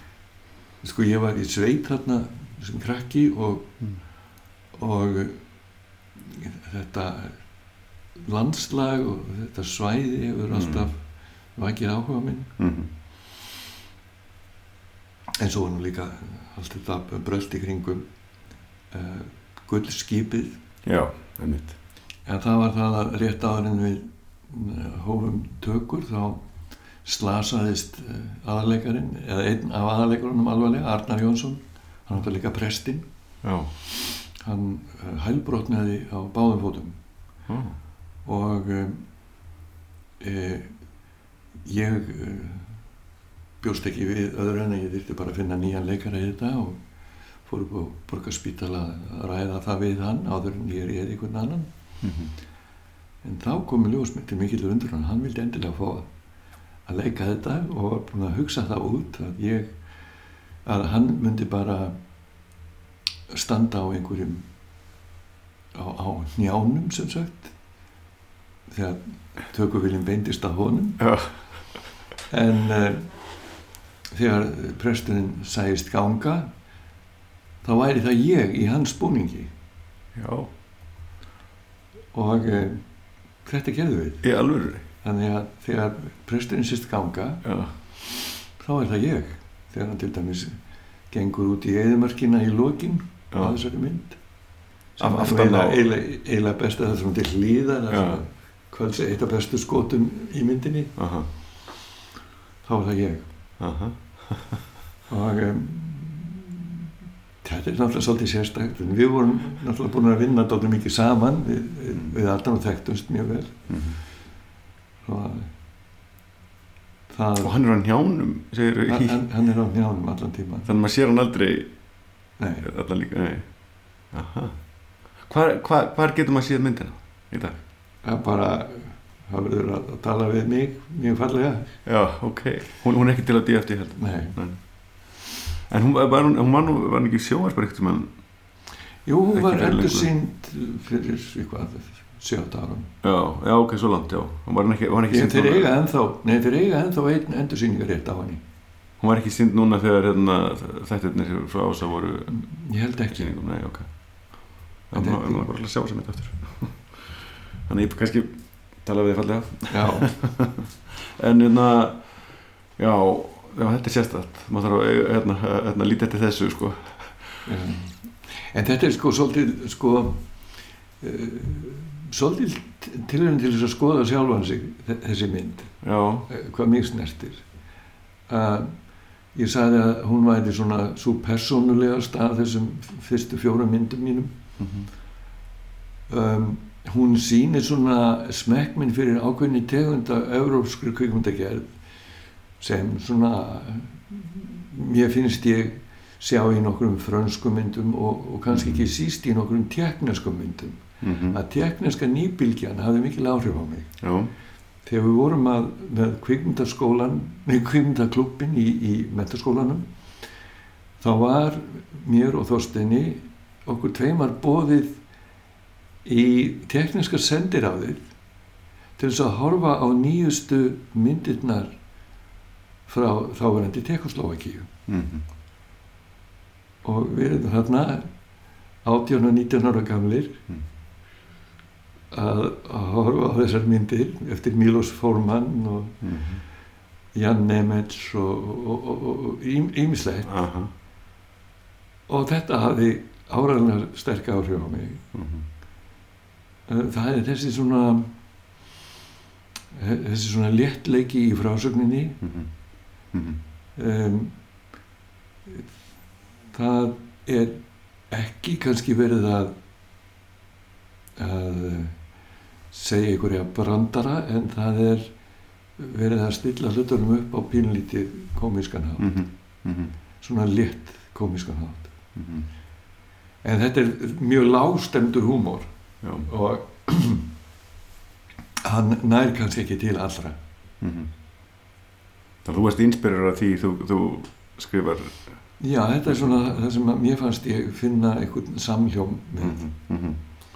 En, en þess að sagan þar, hún er frumsamin já, og ég menna það, já, það, er náttúrulega svolítið öðruvísi þá vinna heldur þú ert búin að gera í hinnum myndunum. já, það er það svolítið þannig er ég annars vegar að, að, að svona fjalla svolítið um veru bandaríska hersins á Íslandi Mm. og ég prjóna það saman við leitina að guldskipinu Mm -hmm. Mitt. um, og þegar ég horfa á það núna sko, þá finnst mér uh, ágætt að segja á þessi sko, samtöl sem ég var að skrifa unni í leikarana sérstaklega þegar þeir eru að tala um einhverja pólitík þá var það bara byggt á frösum þess tíma Mhm. og það virkar alveg sko hæfilega ankannalega núna þegar maður sér þetta Já, ég skil já, já. En þetta er, þú sér, þú sér mitt persónleira, minna, veit, og hún er náttúrulega er náttúrulega, þetta er náttúrulega fr- frumsamið og er, og, og þú ert að byggja á einhverju sem áhrifum sem þú varst fyrir, þú veist, yngri líka eða hvað. mm Já. Já. Var það, tengist, það- tengist það eitthvað að vera hersins þarna út frá það? í raun og veru ekki Nei, eh, nei það að því sem kom herinn aðeins við sögu þegar þeir voru að grafa eftir já, gullskipinu var það, já. Ég fór reyndar uh, heimsækja þá neyra á Skeiðarársand þar sem þeir voru að grafa. Var það, og uh, núna finnst mér að ég hefði mjög látt að gera heimildamynd um það. Það var stórkostlegt. Mm, dugnaðurinn í þessum köllin sem voru svona uh, allir svona aldur við mig núna.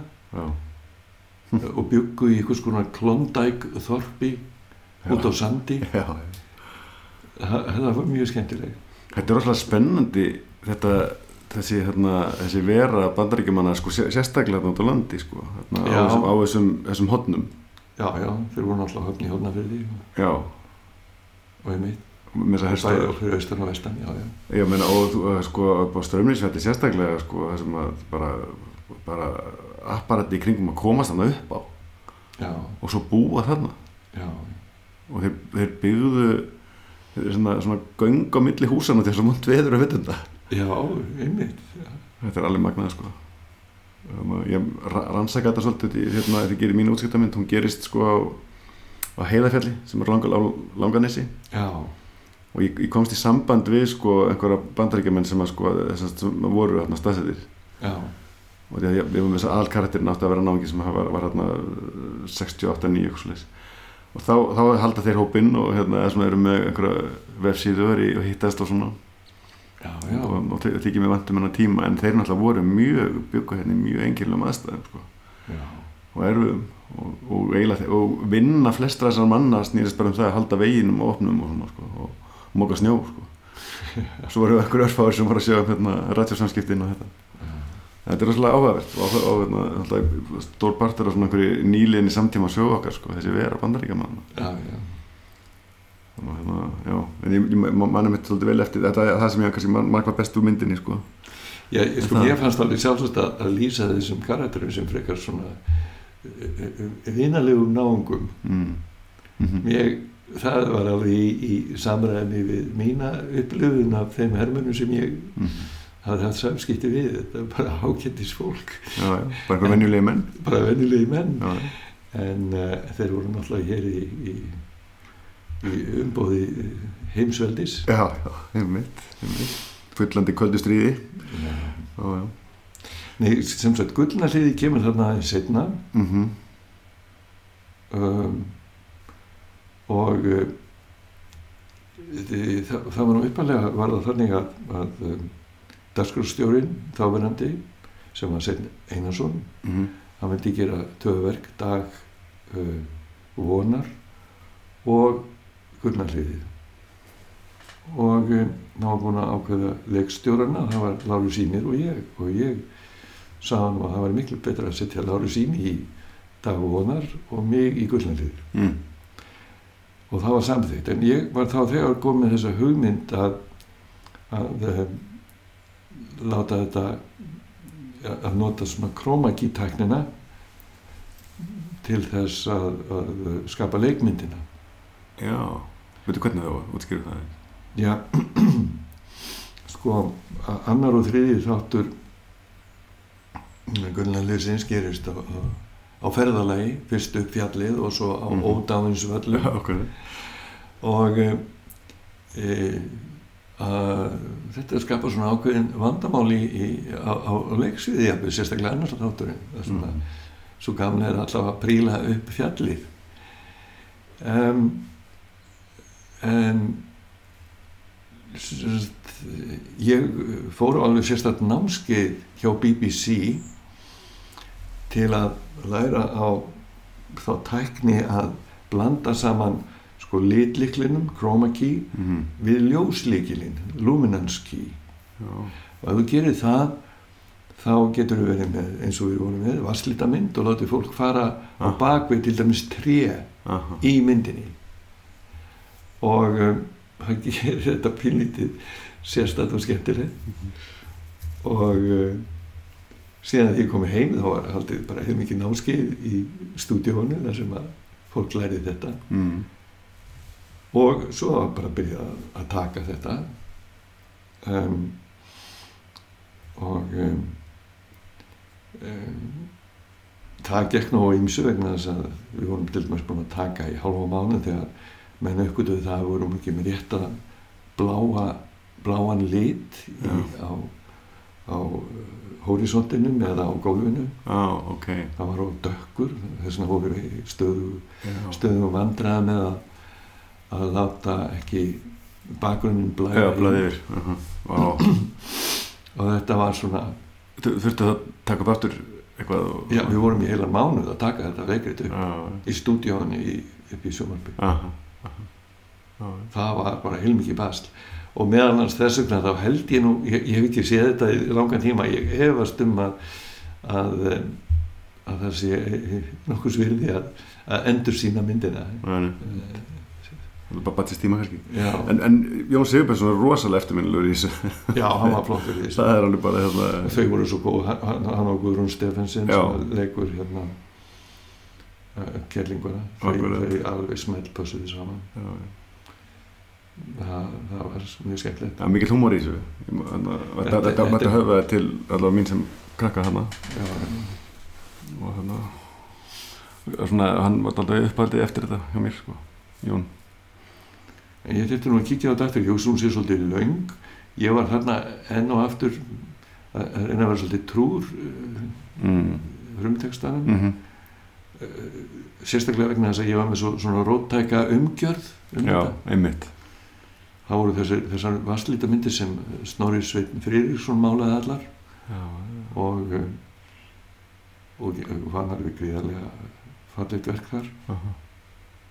Þetta er svolítið áhugavert sko, er, er þetta ekki svolítið við hefum ekki gert mikið af þessu Nei, en, það hef- hefur kannski ekki komið mikið af, af svona verkum sem kalla á þessa vinslu Mm. en þetta var nú svolítið notað í, í, í barnatímanum, ég meina stundir Já. okkar hún var full af, af einmitt. Og er enn held ég. Mm einmitt.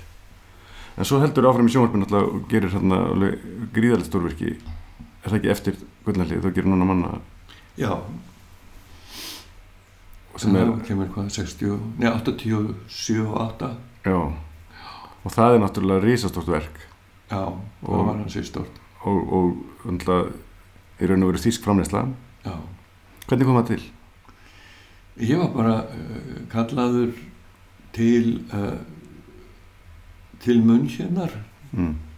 til að mæta í, starf, í starfsviðtal Já, og þar á bæ hafði fólk sérstaklega sko útlagan fyrir sér í því mm -hmm.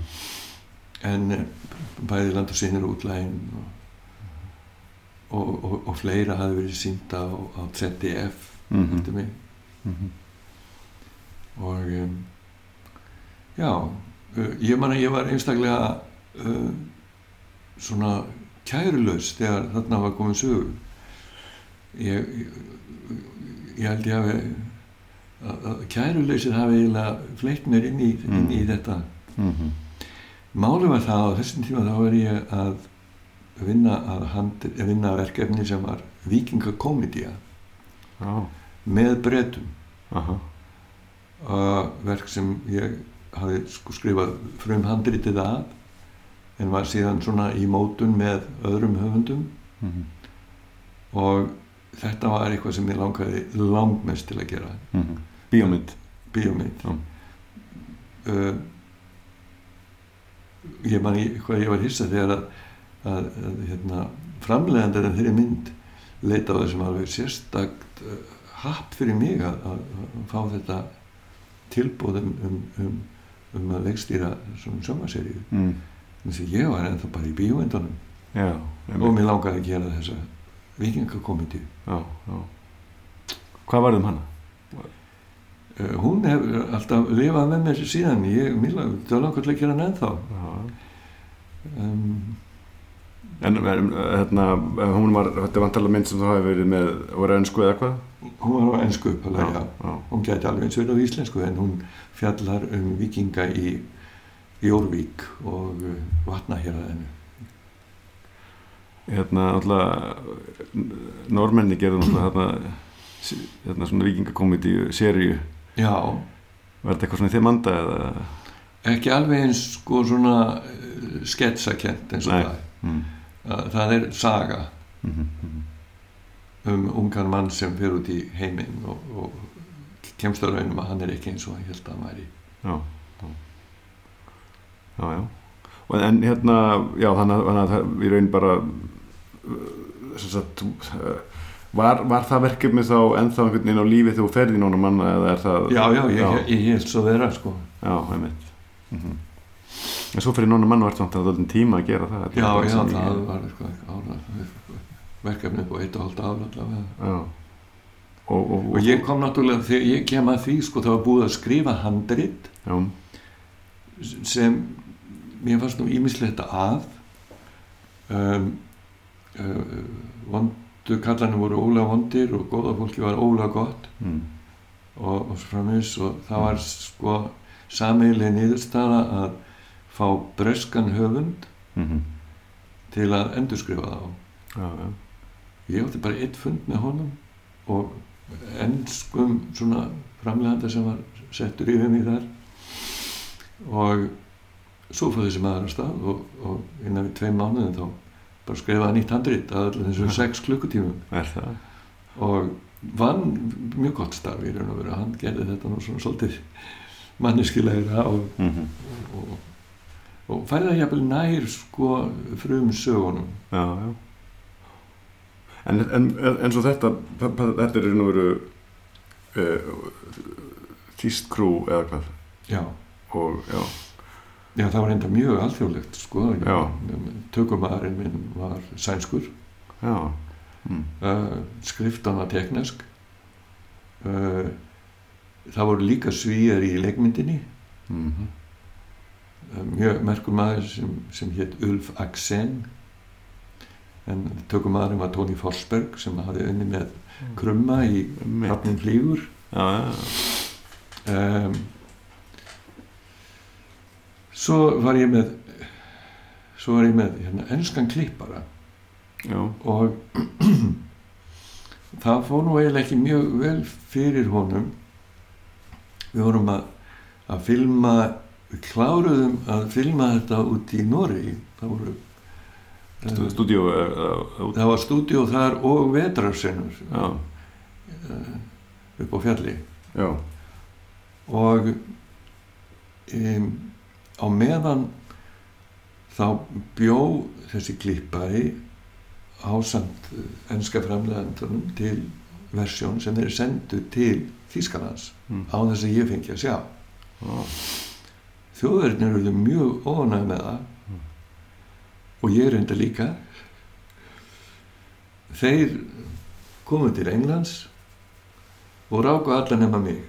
Ok, og svo var þetta verkefni flutt til Breitlands og þar var myndin klift það var konan sem klifti myndina. Bara alveg byrja upp á nýtt þá? Og bara byrja upp á nýtt. Já,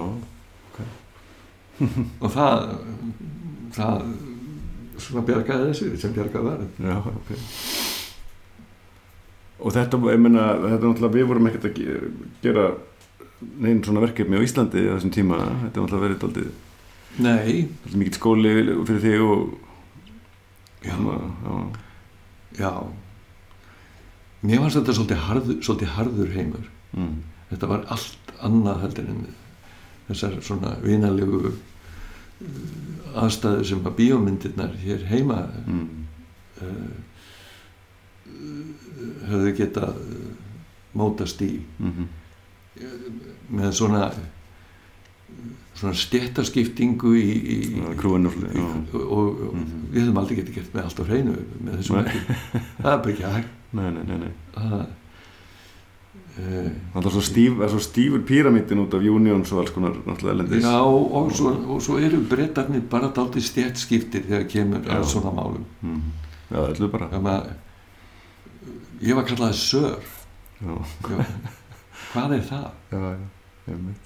Hengjustöð, Já, já. til hvers? Ég meina, Einmitt, einmitt. Þetta er svo uh, ríkt í þeim. ægilega reyktið. Ég, hérna, já, já, En þetta, er líka, það er líka kannski hérna, með að við hinnar myndirnar, bíómyndirnar, þá varstu líka hérna kannski, þetta er ólíkt fyrir þig öllu leiti. Þetta er ekki eitthvað sem þú skrifar, Eh, þú ert alltaf að vinna í einhverju svona maskínu, já, já. þannig að þú ert líka með það, sko, Hvernig fannst þér að leikstýra þannig? Þú veist hvað er að segja, leikstýra, Ég hafði á, á þeim tíma það hugsað mér að ég vildi vera svona uh, tagltækur í slíkt. Mhm. Ég vildi gjarnan uh, vera bara atvinnu leikstjóri, atvinnu kvikmyndastjóri mm -hmm. og uh, þetta var bara eitt af því sem maður þurfti að gera út í hennum stóra heimi. Mm -hmm. Mm -hmm. Það, svo átti þetta eins og ég segi ekkert allt of vel um mig það var, ég átti í, í, í leiðindarimmum við sérstaklega uh, þennan enska framleiðanda Mm. og bara andrúnslótti var ekki skemmtilegt Mm -hmm. Mm -hmm. um, um, ég vil þó samt sko rosa þjóðverjunum sko það er þótt að þeir séu svona stífir eins og þeir eru og, Mm. og þá, þá, þá stuttu þeir mig alltaf í því Mhm. sem ég var að gera Mhm, mhm. Og þú leikstýr náttúrulega, þú steini leiksturinn ekki rétt Jú, á þetta þannig að þetta er náttúrulega þannig fyrir vikið er þetta einhvern veginn uh, augljós partur af þínu höndverki líka. Já þannig. Já, ég lít nú einhvern veginn ekki á þetta sem eitthvað sem að ég hafi átt mikið meira í en bara hjálpa til að koma því á, já, á sellulósan já, já. já það er náttúrulega aðeins, öðru þessi starf þú vinnir í svona já, já, þessum heimi sko. þetta er bara eins og sjómasheimurinn er dálítið hann er svolítið það einmitt.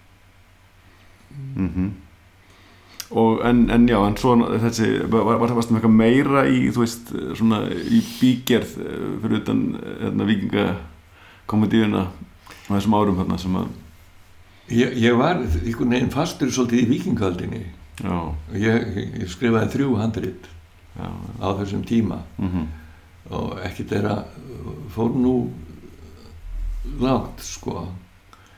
Um, en það eru það eru mjög líkar það er, mhm, það er alvarlegt drama um tróabræða stríði sem geisaði í, í Noregi á dögum Ólafs Tryggvasonar. Og svo er uh, bara fyrir landnám eða sérst bara um það litið eitthvað? Nei. Sérst, er það ekki bara þegar landnámi verður á þeim tíma? Sem, nei sko hann er Íslendinga taka trú árið já, þúsund. þetta er þúsund, já, þetta. Já. þetta er Ólafur Tryggvason hann var nú ekki kongunum í fimm ár en mm. Um, en um, hann var sá sem uh, barði heila normenn til kristni. Um, nú svo er mynd sem hétt Skáldasaga. Og það er eftir pínulítilli sögu sem finnst einungis í handriti sem heitir Haugsbók já, þannig að það er önnur. Það er önnur saga sem er svona nokkuð svona ævintýrasaga. Það er einhvers konar svona Mission Impossible frá Nóri til Svíþjóðar. Já, já, og svo er þriðja það er þessi já. berserkja saga sem að ég Mhm, sem að mér lákaði mest til að gera. Mhm, mhm. en þetta verður ekki neinu. Nei, nei, en það eins og þú veist þá eru svona periódamyndir oft erfiðar. Það er erfitt að koma þeim á koppin og eiginlega verður æ erfiður eftir þessi Mhm. stundi líða fram. Mhm. og ég hef nú svo smátt að vita af því vegna þess að, að útlægin var dýrmynd einmitt út af leikmynd. Mhm. já, leikmynd og búningar og já, já, einmitt. Já, það er og verið líðað nokkur áhrifna þar til þú gerir dansinn. Já, það voru 14 ára á milli bíómyndana sko. 14 á milli bíamöndan, já. En þessi séri á milli og, og alls konar annað já, það var eitthvað önnur sería sem ég gerði í Breitlandi sem já, já, heitir um, um, Sea Dragon. Ok, það er það er svona eh, mjög skemmtileg unglingarsaga eftir konu sem hétt Rosemary Sutcliffe og hún var stórmerkileg manneskja. Hún var mjög bækluð alveg frá fæðingu. Mm. en skrifaði ævintýra myndir um, um fólk sem ferðaðist um og barðist og skrifaði svona ævintýra myndir fyrir unglinga. Ævintýra sögur fyrir unglinga ég. aha.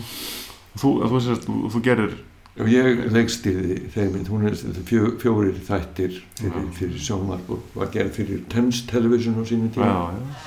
Og, allt gert í Breitlandi hún var tekin upp að mestu í Wales já, mm -hmm. og svo litið í í Danmörku. Já. já, já þannig að þú varst áfram að nota hennan hérna, svona hennan, hérna, hennan hefði líka geta verið svona leikstöri for hire eða þannig Já, ég átti eiginlega svolítið betur heima þarna heldur en í nónum manna. Mér fannst þetta Mm. einhvern veginn, mér fannst þetta svo góð saga hjá þeirri gamlu sko mm og, um, og þetta var svona dálítið mikil aksjón -hmm. og um, já, það, það tókst að gera einmislegt úr þessu. já, ok var, var, var það sínt hérna heima líka? Já, hún var sínd einu sinni í sjónvarpinu. Já. já, ok Mhm, ég vissi ekki að þessu og svo er hann það nokkur hérna ármótaskaup og Já, já. já, já, svona ímislegt sem er í gangi hérna þó að líði mörg ári í næstu bíómynd já. mm -hmm. Um, það er náttúrulega alveg auðlust þegar maður horfur fyrir henni að þarna hefði nú átt að vera að gera eitthvað, eitthvað vitulegra það er bara Mm en um, maður fór bara í einhvers konar svona bröðstrýtt er það ekki? já, maður er bara eins og hérna, við þurfum vel að gera það ekki Já og um, kannski hefði ég einmitt ekki átt að, að verða þessi svona alliða leikstjóri ég hefði frekar átt að, að halda mig við það að, að gera það sem ég lákaði mest til að gera sem voru svona bíómyndir mm -hmm. Einmitt. Já, og mö- mögulega eitthvað sem voru ódýrar í, í framvæslu heldur en Mm. vikingamyndinar en, en, en svo gerur dansin sem er náttúrulega hún, það er náttúrulega líka periodumynd og er líka með mikla leikmynd og Já, já, veist, í raun og veru hérna, ekkert, einfaldara heldur vikingamyndir þannig séð nei, í raun og veru ekki Nei. og Nei. hún er, er hún, er, er greitt munni, hún er tekinn í færi um eða einhver leiti? Já, hún, hún er bæði tekin í færium og hér heima Já. Mm En við, við vorum til dæmis í stífan hálfan mánuð í færium að taka allt sem við þurftum að taka þar. Já, já. og svo voru inni aðrið tekin hér og, og svona nokkur úti aðrið líka. Mm Og hvað, hvað hengið með þessi saga? Hvernig er bara ástminni á William Heinesen Já, ég fann það út þegar ég var að lesa William Heinesen að, að það er eiginlega brúðkaup í hverju einustu bók hjá honum. Já, annað sem er mjög á, svona sérstætt með William Heinesen er að hann kynir alltaf til sögunar mikinn fjölda fólks mm. um, þetta er til dæmis smásaga Mm. um, sem heitir Hefskal Danses og er bara, segir frá brúðkaupi út í Mikinesi Já, og um, um, þemaði líka yfirleitt það sama í þessum sögum hans það er að segja að þetta er, þetta er bara átt á milli þeirra sem að vilja uh, uh, leggja tröst sitt á annað líf mm. uh, þegar maður losnar úr þessum táradal já, já. en svo er hini sem vilja njóta lífsins hérna megin sko. Aha. um, það, þetta kemur mjög greinilega þetta þema kemur mjög greinilega í ljós í þessari sögu Mm -hmm. og mér fannst það bara frábært Og þetta er um alls konar unga leikara. Hérna, nýjútskrifaða og, og svona. Já, já, já. Ég myndi mann vildi því. Það var, jú, jú. En, en sko, þannig til dæmis hann er með, því að hæni sem þarf alltaf að vera með sko, svo marga personur, hann er með mm. meila þrjár personum til þess að, að tólka geistlega vald. Það er sko sóknapresturinn Mm. og svo er djáknin og, og svo er það einhver, einhver umferðar predikari sem Benedikt Ellingsson leik Já. Ég myndi benni þessu. Benni er mjög finn í þessu. Er líka mjög góður sem djáknin Já, já, já, einmitt, einmitt. Já, það er skemmtileg mynd. En, og, hún, og þetta, er, hún, þetta er mynd sem er hérna, alþjóðlega frammeysla En Þetta er ekki bara íslenski peningar í þessari mynd eða eitthvað? Nei, þetta er fyrstu því sem ég er að starfa með öðrum og, og það eru fjögur, fjögur lönd sem standa að þessu. Aha, Ísland, Breitland, Þískaland og Danmark mhm.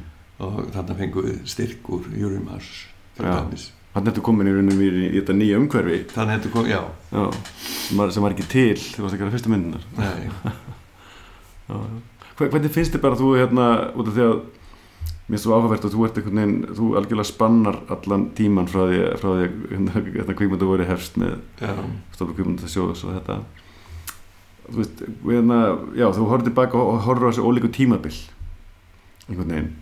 Þú veist, er upplifunin sko veist, upplifur einhvern veginn, já, það var Ég get, ímyndað með sér allavega einhver leit er einhver meiri orka og frelsi kringum fyrstu myndirnar svolítið bara látið svona vaða á þetta en um, um leið kannski hérna líka hægt að segja að ég vildi að það hefði verið þetta umhverfi sem var svo síðar þarna áður. Já, það er nefnilega bland begja já, sko sumleiti sakna maður þess þegar hægt var að gera bíómyndir með, með íslensku fyrir engungu mm það er í raun og verið ekki hægt sem bara þýðir hvað það sko. það eru þá mjög litla Já. skilur við en uh, það jú það ég ég veit ekki hvort við getum gert svona mynd eins og við alltaf hreinu núna mm -hmm. þó ætti það að vera hægt að tæknin er ódýrari já, já og öll eftirvinnsla er miklu einfaldari mm -hmm.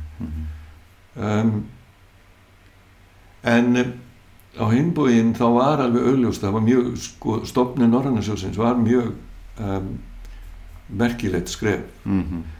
þess að þá átti að reyna að gera stærri myndir, stærri norranna myndir til þess að vera einhvers konar mótvægi við Mhm. amerísku myndir það var svona hugmyndin og það er ennþá það virkar ennþá að vi- vissu leiti kannski ekki alveg eins vel og, og menn höfðu vonast til. Mm.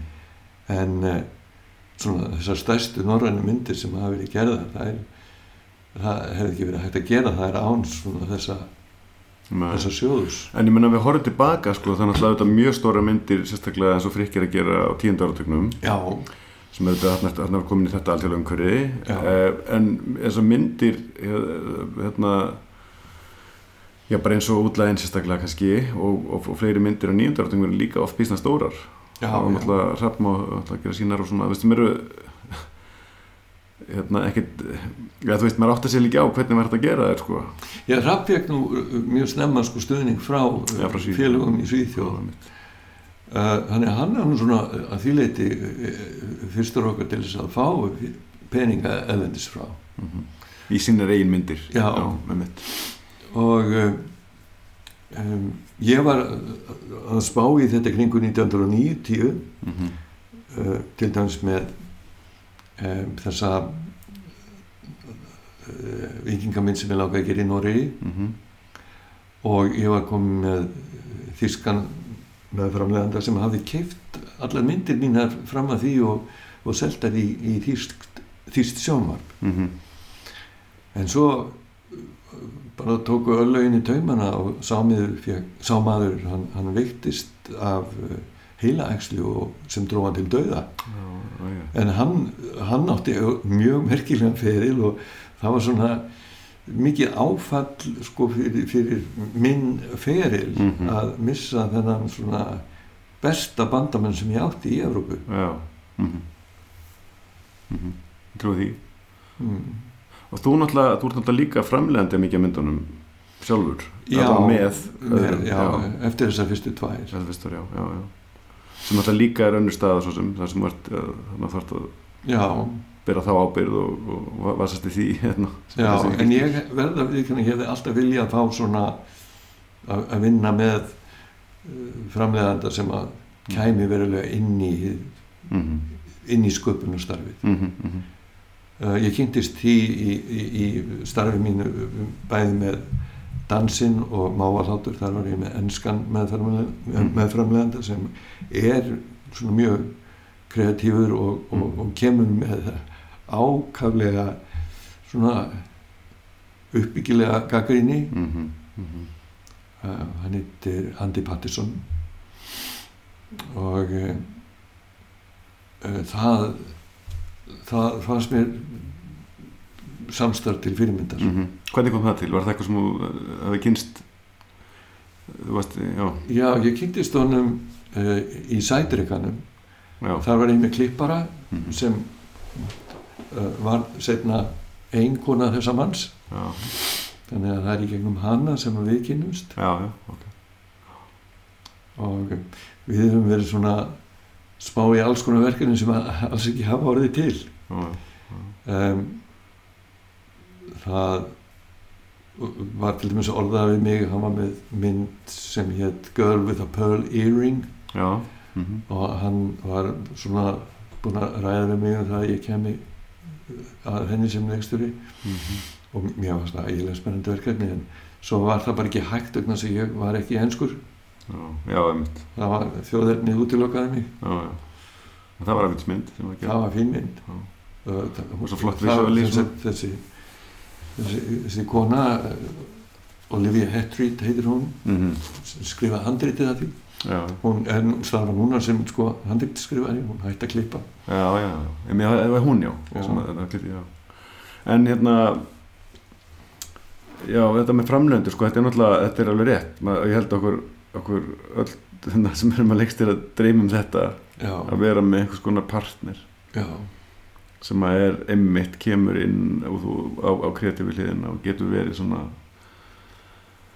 hérna, bæði einhvers konar support og líka til þess að bara hérna, hérna, velta hugmyndum og allt þetta og taka þessar stóra ákvarðanir. Ég meina, já, og maður varst að ræða á hann sem að ég er hérna sammála stærsta ákvarðanir sem leikstur er, er, er, er að velja hlutverkinn það er bara hannig, er það, það, það klúrast þá er myndin það var, það var ekkert að vera ekki mynd. Nei, nei, og einhvern veginn já, mér veist rosa mikilvægt að geta verið með sko, einhvern sem einhvern veginn maður getur tala við alveg stöðugt um þetta bara þess að einhvern veginn og ef að já, þannig mér veist góði framlendu vera þeir sem geta eru, bara, hérna, eru oft bara gott bouncing board jafnvel sko. Já, já.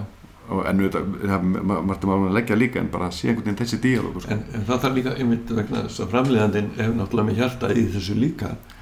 Það, það er þessuna sem þeir hafa sérstöðu þú getur getur talað við hvert sem er um verkefnið og, og, þínar hugmyndir um það en mm -hmm, það hefur ekki þetta vægi sem það hefur þegar þú ert að tala við einhvern sem bara já sem hefur svona allt sitt mikið undir Já, eins, eins og já, einmitt. En það náttúrulega er sko að, að framlendur eru oft með fleiri átni eldin um allt það sko. Veist, það er öðruvísi þegar þannig sko. jú, jú, Það er ekki sko saman, það er ekki eins hérna fyrir leiksturinn sko. En auðvitað, er líka oft þannig að þetta er, svona, þetta er svona einhvern veginn, já, mikilvægt fyrir báða og það er alveg besta.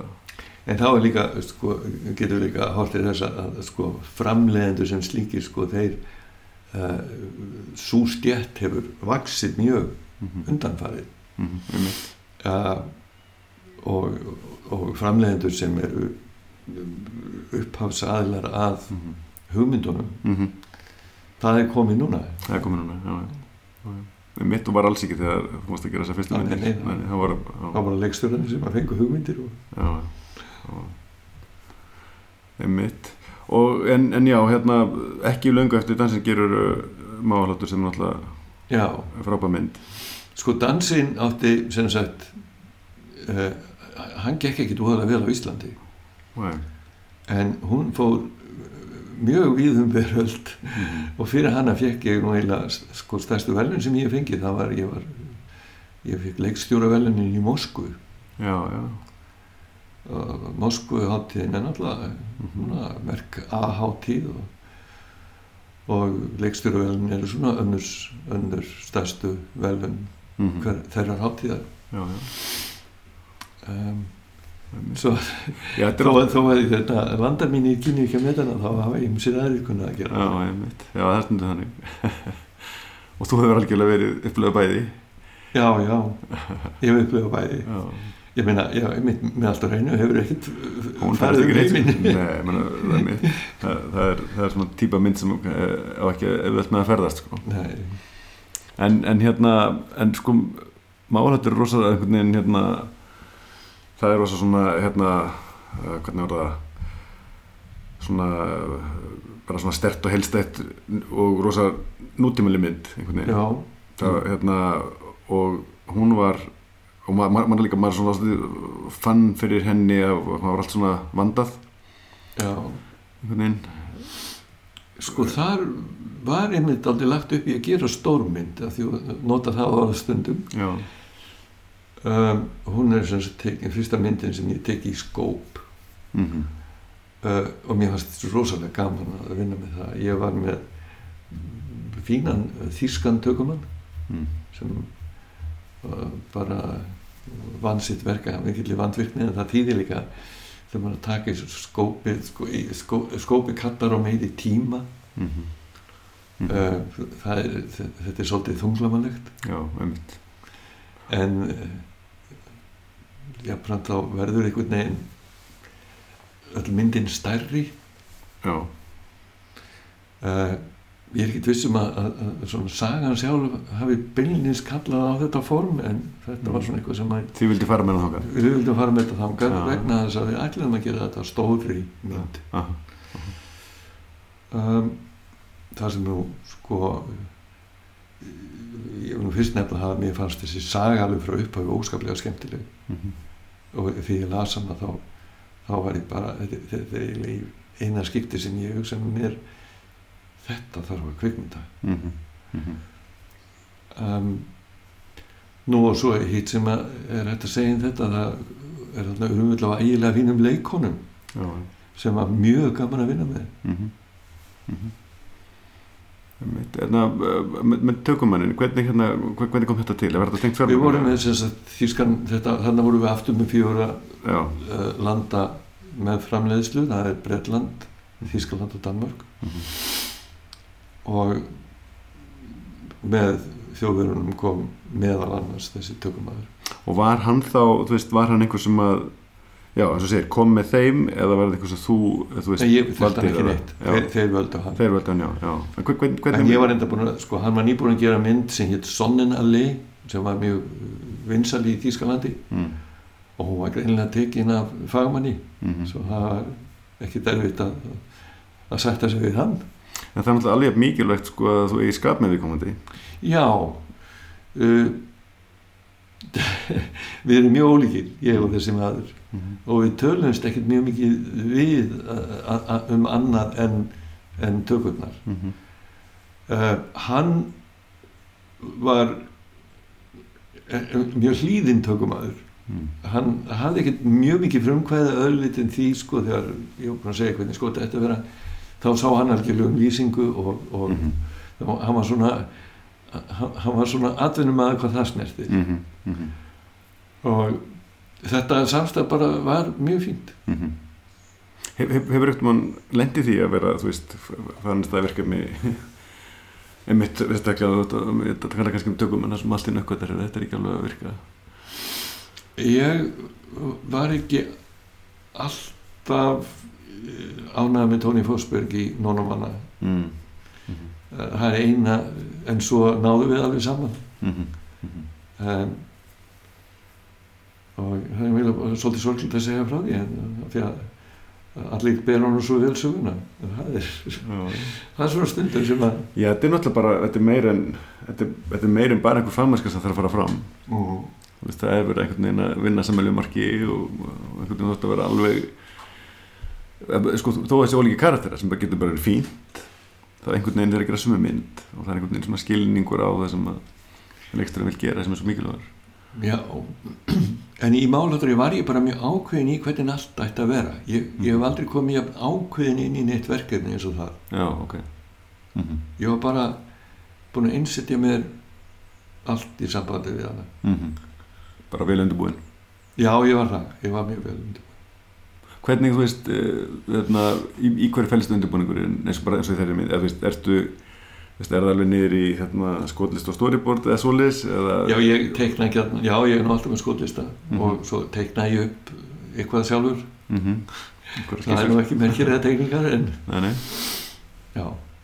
En, veist, og, og er það sko, ertu fy- fylgjur þessu stíft þessum undirbúningi eða er það meira hvað maður að segja, svona eitthvað svona öryggisnet sem að þú vinnur svo út frá eða er það Í þessu tilfelli þá fylgdi ég stíft. já mm -hmm. um, ég líka svona með ákveðna kenningu sko um það að í hverju senu þá þurfum maður að finna svona líkilskotið já, og svo endar það líkilskot oft í því að vera eina skotið. Já. en þannig að ég er búin að hugsa, hugsa þetta svolítið fyrir fram. Hve- hve- Hversu mikið sko er tökustæðurinn, leikmyndin eða sagt að einhvern veginn informera þetta, þetta líkilskot eða þú veist. Va- vafalaust að einhverju leiti en að stundu kemur það áður að þú ert hreinlega komið eða eitthvað. Það er ímyndst eða sko. Mhm. en uh, ég ég hef nú o, o, mjög oft sko sagt við leikmyndamannum ég vantar bara tvo veggi. Já, einmitt, þú veist það bara. Ég veit það bara. Það, það er ekki til neins að byggja fleiri veggi að ég ætla bara að skjóta í þessu tvær áttir. Já Mhm. um, Hvernig með svo hérna bara blokking og leikurum og þannig? Uh, Ertu þá líka búin að hérna, einhvern veginn svona sjá það fyrir þér eða, eða, eða, eða tekur æfingu með þeim og ef mann er bara spá hvernig það hefur áhrif á til dæmis þess að tvo veggi? Já. Já, það, já.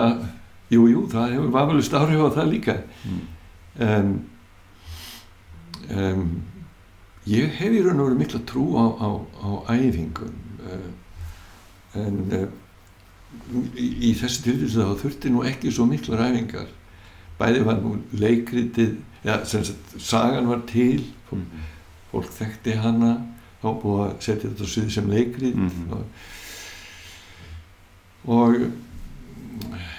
þessar, þessar personur svo skýrar frá Kristínu Maríu að, að um, jú, jú, þetta voru æfðu við og, og, og rættum þetta fram og tilbaka en um, En ég það- var einhvern veginn bara alveg bara með á tæru hvernig ég ætla að gera þessa mynd. Já, En eru svo þær æfingar, þær eru fyrirfram þær eru, Já. já. Og þær kannski móta líka hvernig þú ætlar að taka Já, upp bara og sinni þegar og við komum á setti þá er bara að vita hvað stendur til. Já, mhm. þannig að það var það var ekki upp á okkur að, að, að klaga að þetta tökutíminn drúst svolítið. Mm. en það var bara vegna þess að, að þessi tækni er fyrirverðan mikil Já, já, og tekur tíma. Ég skil, já, bara með hérna skóp. En er hérna um, eins og í hinum myndunum var, var uh, þetta er það ólíkar svo sem en hérna bara við, við tökum hérna eins og fyrstu tvær myndunar til dæmis. Var, var undirbúningurinn mikið öðruvísi þá til dæmis heldur en hérna síðar það orðin hókina reynslu og gerir hérna já hann var nú sko í land og sonum hvað, það var alltaf maður muni eftir þessu. Mm. en uh, um, við æfðum ekkert voðalega mikið. Uh, ég var bara búinn að gera sko einhvers konar ég var alltaf með skotlista en, en það var nú aðalega í svona aksjónatriðunum sem að Mm ég var með þá á einhverju nákvæmni sko. Já, já. Mm um, það þurfti til dæmis þess þegar að hesturinn er skotin já, einmitt. Það er bara það, það, það allt er bara nákvæmlega eftir skotlistanum. Hvernig er þetta gert með hestin? hann fikk helling af, af hérna söflifjum já, og svo var hann um þegar skotið íður af sem var náttúrulega ekkert skot það Aha. heyrist engin kvellur uh þá er kift í fellibönd hann er feldur með felliböndum eins og þau gera með hesta sem það til dæmis að gelda aha, aha. og svo brjóst hann svolítið um þannig var hann í þessari þessari grífi sem búið að vera að grafa Mhm. og svo var hann allt í einu fullkomlega hreyfingalös Já. Og þá greip Sigurður Sverrir uh, aðra tökuvélina og gerði þetta skot yfir Mhm, uh, gravarbarminn mhm, mhm. sem var sko, sem, sem var ekki svona færi skot í skotlistanum hjá mér þetta var hans Já. hugmynd að, Já, ok, já. að, að, að gera þetta svona Mhm, eins og á ennsku heitir reveal einmitt. Þetta er þetta áhrif áhrif mikil sem já þetta er eiginlega helst til áhrifa mikil sko. Já. Og svo var hesturinn fann að býta tveim mínútum síðar. Já, þið bara rétt náðu þessu. Já já. Já, þetta var mjög gekk ótrúlega vel. En svo er þetta skrítin senna og á Internet Movie Database hefur einhver verið að skrifa að, að, að þessi, þessi hestur hafi verið skotin í alvörunni ég var alltaf alltaf einhvern veginn að gera eitthvað í því þess að ég er einmitt stoltur af því að, Mhm. að þetta var bara þannig var dýralæknir staðarins Já. sem kom og bara afgreitt þetta mál mjög snirtilega Mhm. og við bara fórum eftir honum Já. Vá, einmitt, það er þetta ef að þetta einhver er að skrifa eitthvað svona þá var það viðveikt það svona eins og þegar við erum að setja myndina manns á YouTube algjör, algjöru leifisleysi það sem eru síndar í skelvilegum gæðum. Já, það er ræðilegt sko. En hérna er um, í, já, sérst í máalhattir þá náttúrulega leikmyndin er líka ensi svona eftirminnileg og og aftur það var henni perjótu og svolítið verið í því. Já, já, og við þurftum að að setja möl á Östurgötu í Hafnarfyrði Já, sem var þarna bara í hálft ár. Já, Allir búið annað með það. Æ, sko, hefur orðin svolítið þreyttir undir lokin. Já. við skilða vel. Já, já. En já, já. það smíður mikið að leikmyndu, það ekki? Jú, þetta var mikil, mikil smíð þessi leikmynd. Já, og við vorum inni, inni senur í uh, dósaversmiður sem var búið að yfirgefa. Já, einmitt uh, sem var þarna á Norðurbakkanum í Hafnafrið Það er mitt alveg og um, það var það síðasta sem var gert í því húsi áður en það var yfir Já, það sem blokkinn eru núna ekki eh. Já, einmitt og um, já, það var það var bara þessi mynd kallaði á þetta allt saman mm -hmm. Einmitt, einmitt Og þe- þe- þessi mynd, hvernig, hvernig gekk hún svo? já, hún gekk náttúrulega ágætlega út um allt og, Mm og um, og var okkur held ég bara til sóma held ég. -hmm. Mm -hmm. og hún uh, hún fór mjög víða. Já, og uh, við vinnum ykkur velun ykkur staður.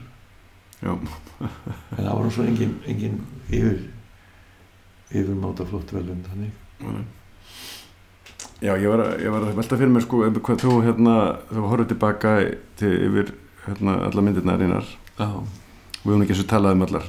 Nei, nei. Já, mér finnst bara minnst einhvern veginn áhvert að heyra bara hérna, hvort maður upplifi þegar maður er með svona langan feril sko. Mikið af ég vildi ekki hef gert þetta svo þessa mynd svona eða einhvern veginn eða ertu með mikið þannig eða er þetta bara, er bara búið og gert og þetta er allt hérna, partur af hvernig svona er þín upplifun núna þú horfður tilbaka?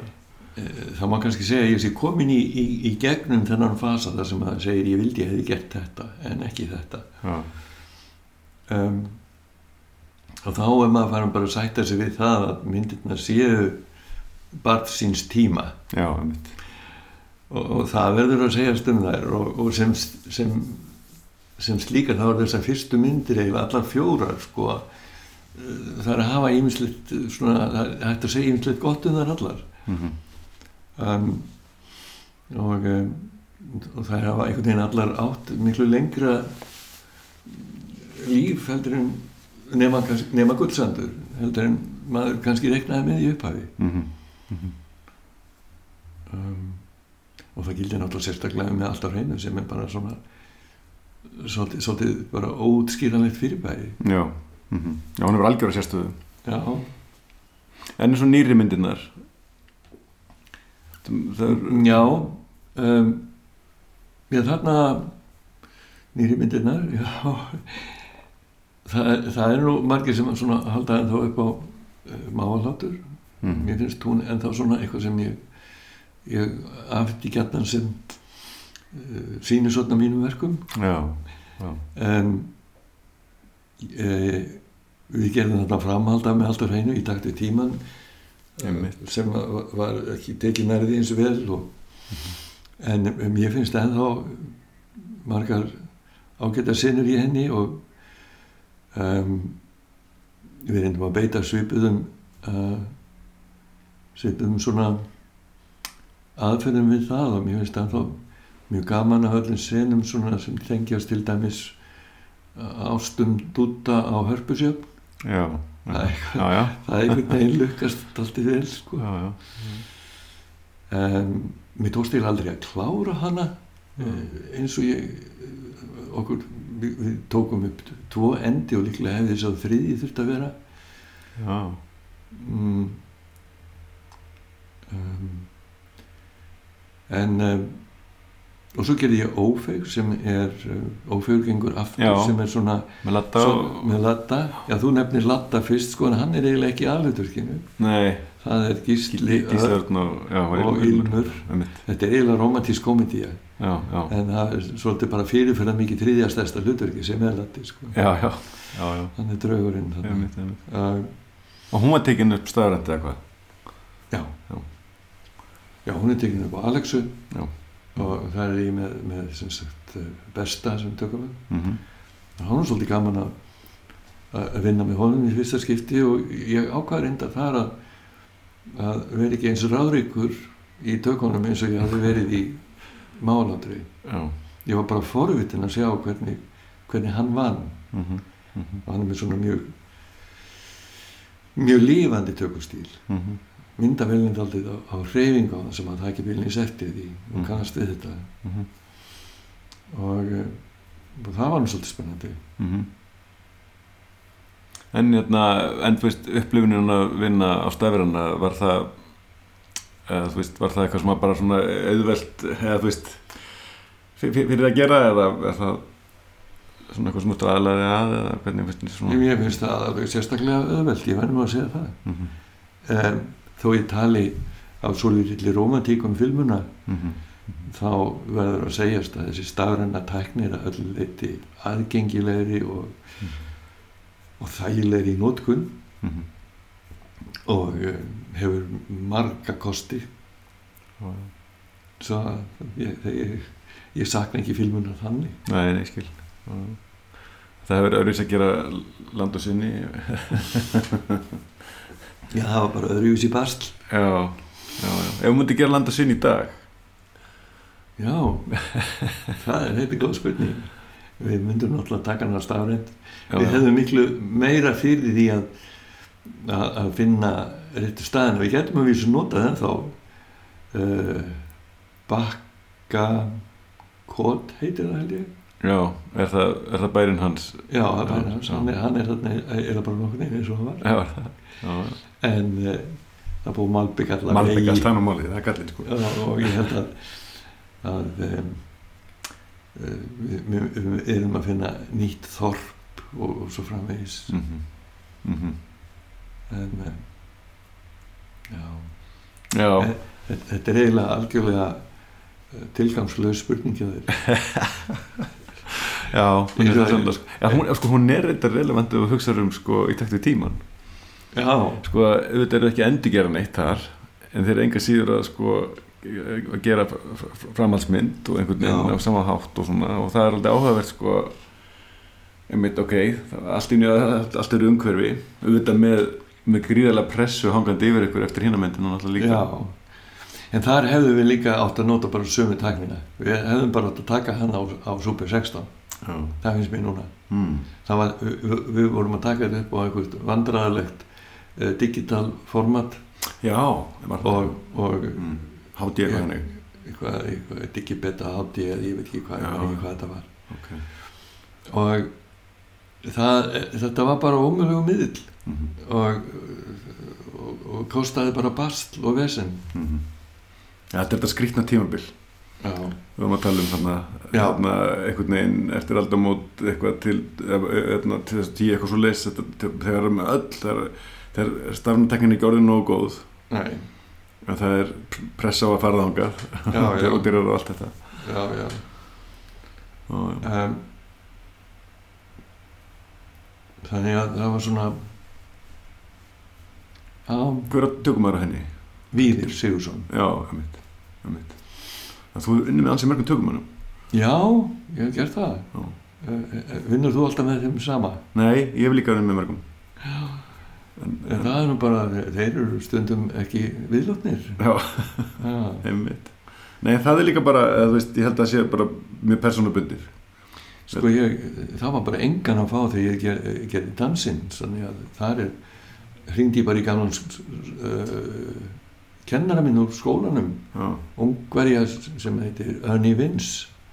Og hann kom og tók þetta. Já, já. Og okkar samstaf var mjög gott. Það var ástæðan fyrir því, já. Það var ekki, og þetta íslensku tökumennir voru upptöngir. Það var uh, Sörri var búin að lofa sér í eitthvað. Uh, Ari var upptekinn. Um, náttúrulega um, Snorri Þórisson var hættur að vera tökumæður já, já, einmitt, Illu Hilli, einmitt, það var mjög góð tökumæður það var fýtt tökumæður en ég meina að það er, það líka bara er ekki svo margir á þessum tíma. Á þessum tíma var ekki margir. Já, svo það bara bætast í þá flórun alltaf ég talaði við einhverja fleiri sko, þetta var bara bróttalegt bast akkurat á þessum tíma. Mm -hmm. já, já. Uh, hvernig hérna uh, ég, ég, nýjasta verkið tekið eftir er hérna, heimildamind sem er allavega sem hérna, ég kemur upp á já ég, ég, ég hef, svo, ég hef unni þrjár heimildamindir með Jóni Þór Hannesinni já, og það eru allar um músík. Og fyrsta held ég að sé nú svo besta sem var heimildamind um bræðuna Jónas og Jón Múla Árnarsinni ég gerði hana um aldamótin mm -hmm. og tók þá síðustu viðtöl við þá bræður sem voru tekin. Já, já. Og mér finnst, mér finnst hún skemmtileg. Mm -hmm. nú svo gerði ég eina um stuðmenn og eina um Björgvin Halldórsson. Já einmitt, það er þessi Björgun Hældarsson sem ég var að vísi já.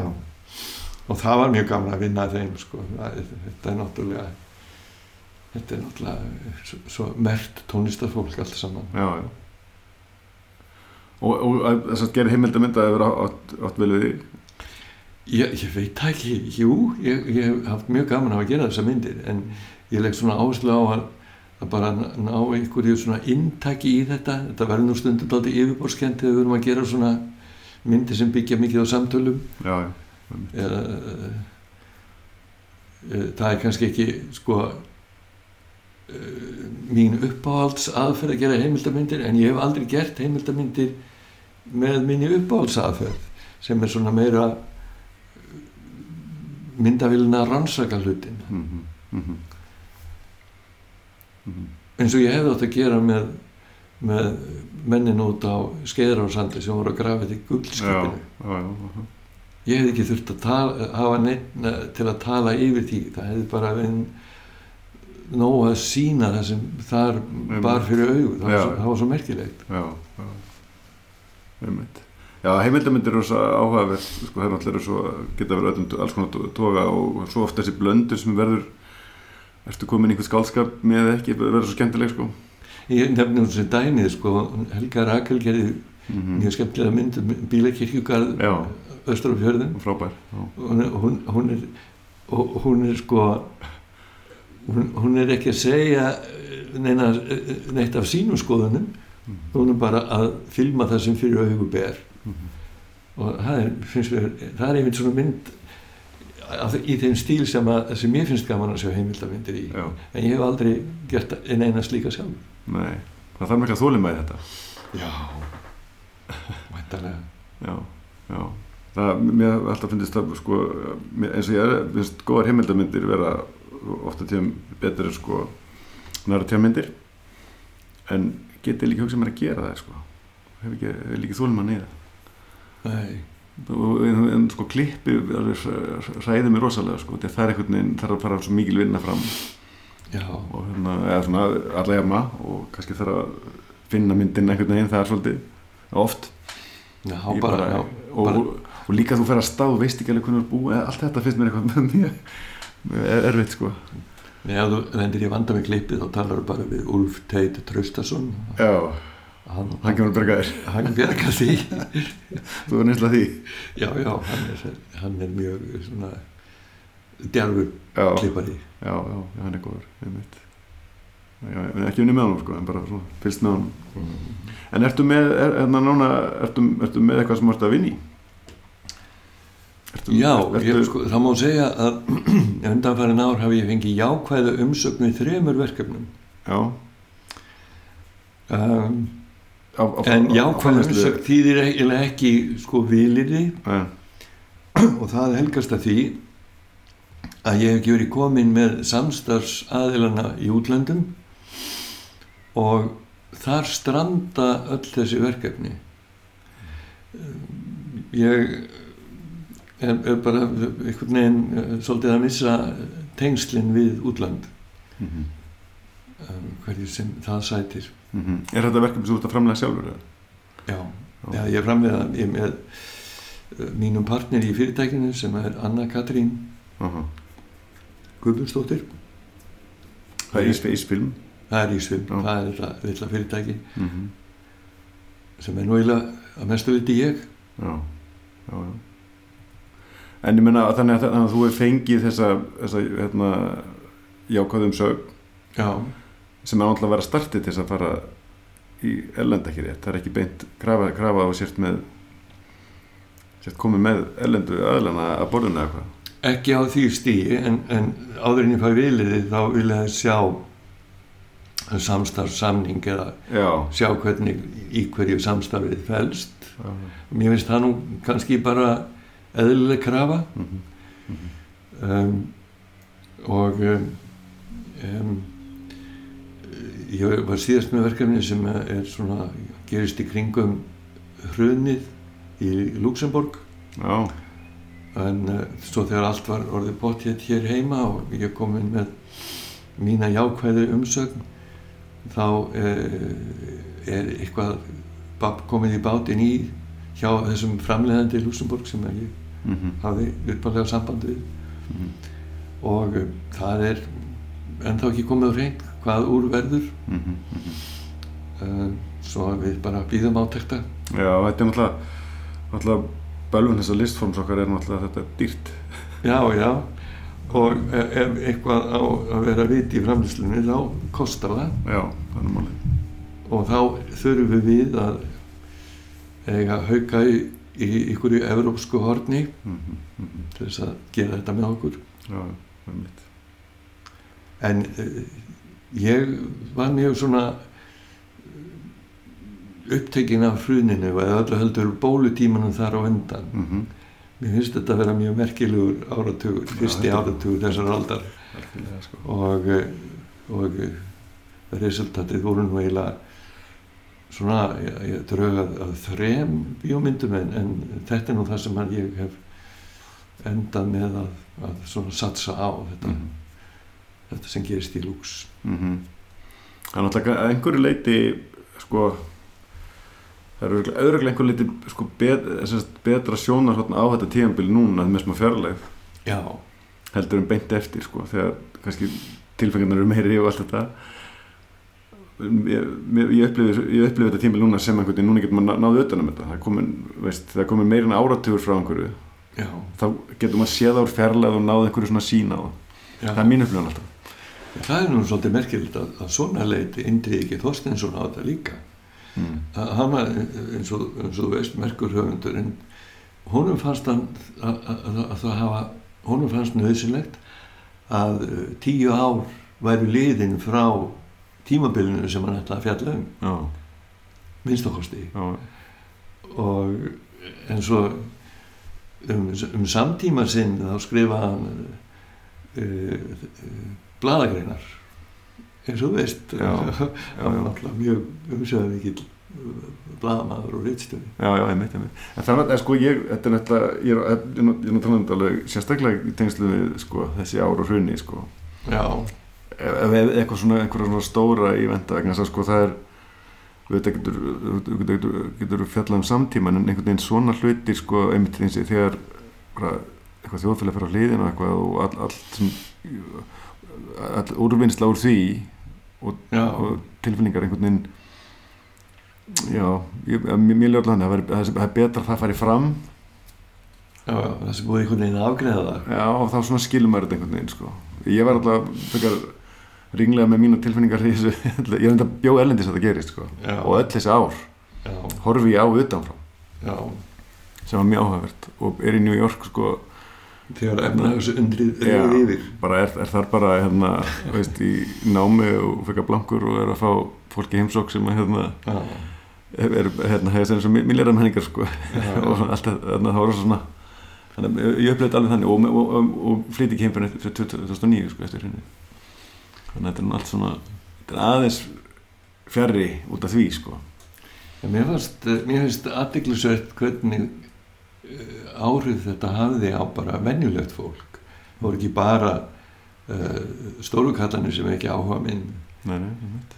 ekki útrósa vikingarnir sjálfur heldur svona fólki sem kannski var að vinna með þeim Já, já. eða Mhm. mm, þetta hafði áhrif á allt samfélagi já, algjörlega alla umræðu já, já, og einhvern veginn alla afstöðu og tengingu við peninga já, já, það var einhvern veginn, hún var öll öðruvísi heldur en noktum að verið fyrir það síðar sko. já, já. þannig að þetta er, þetta er, þetta er náttúrulega stórmerkil tíðanbíl og hérna og ég, já, von, vonandi fyrir við núna að sjá einhver verk sem að svona hérna, sko, skoða þetta einhverju sammingi sko já. Já, já, ég, finnst það Já. mjög, líklegt að sé gert já, sko. það verður gaman að það frá þér vona það já, kannski bara að lókum ágúst, hvernig svona hvernig hefur þið gegnum tíðina uh, hvernig voru það uh, svona haldið þér einhvern veginn lifandi í fæinu skulum við segja, er eitthvað svona sækjur innblástur eitthvað ákveðna áttir eða hvernig svona já eh, eiginlega hvernig endumöndaruðu þig eða þannig eða svona, já, Já, þetta, er, þetta er mjög góð spurning. Endur metta ég mig yfirleitt? Það er góð spurning. Ég nefndi nú að, í upphafi þá hafi ég verið upptekinn af evrópskri kvikmyndagerð, miklu frekar heldur en þeirri amerísku. Svo þróast þetta kannski yfir í það að þegar við erum farin að gera máalátur, þá lítur hún að sumleit út eins og svona amerísk framleiðsla. það Um, fáið svolítið, já Já, uh, meira að segja uh, hérna, gaggrinandinn fræði ah, hvað heit hann Íbert Já. Íbert, hann, hann sá þetta sem svona, svolítið svona slikk ameríska mynd Mm. uh, um, en um, sem er sumilítið alveg rétt sko. já, já, það er svona Um, klassisk ára sem er yfir henni Já eh, það, það er þannig, þannig ykkur þróun. Mm -hmm. Mm og ég veit ekki hvort að svo þróun er svona vond eða góð. Ég, bara hef ekki hugmynd um það. Um, er, en ertu sko ertu, hérna, er er- ertu jafs hérna, kvikmyndagerðamæður og kvikmynda áhuga maður myndur þú segja? Er, er það ekki það sama? jú, kannski, já, ekki endilega þú, þú ætla að getur verið kvikmynda áhuga maður og hans var kvikmynda leikstur Já, það er enda rétt. Um, uh, ég, ég fyrir bíó og, og get alveg glemt mér yfir myndinni. Mm. ég er ekkert að spá í það hvernig hlutinir voru gerðir eða eitthvað slíkt. Ég, mm. ég dett inn í myndina. Um, þá er ég, er ég væntalega kvikmynda áhuga maður. Já, já. Se- setur þann hatt á. Það er mitt. Já, já. En þetta er áhugavert út af því að ég held að, ég held að sko að við sem erum að leikstir að séum séum þetta öll sko en örgulega dálítið ólíkt.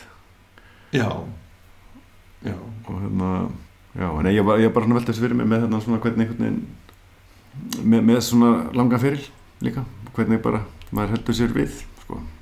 já.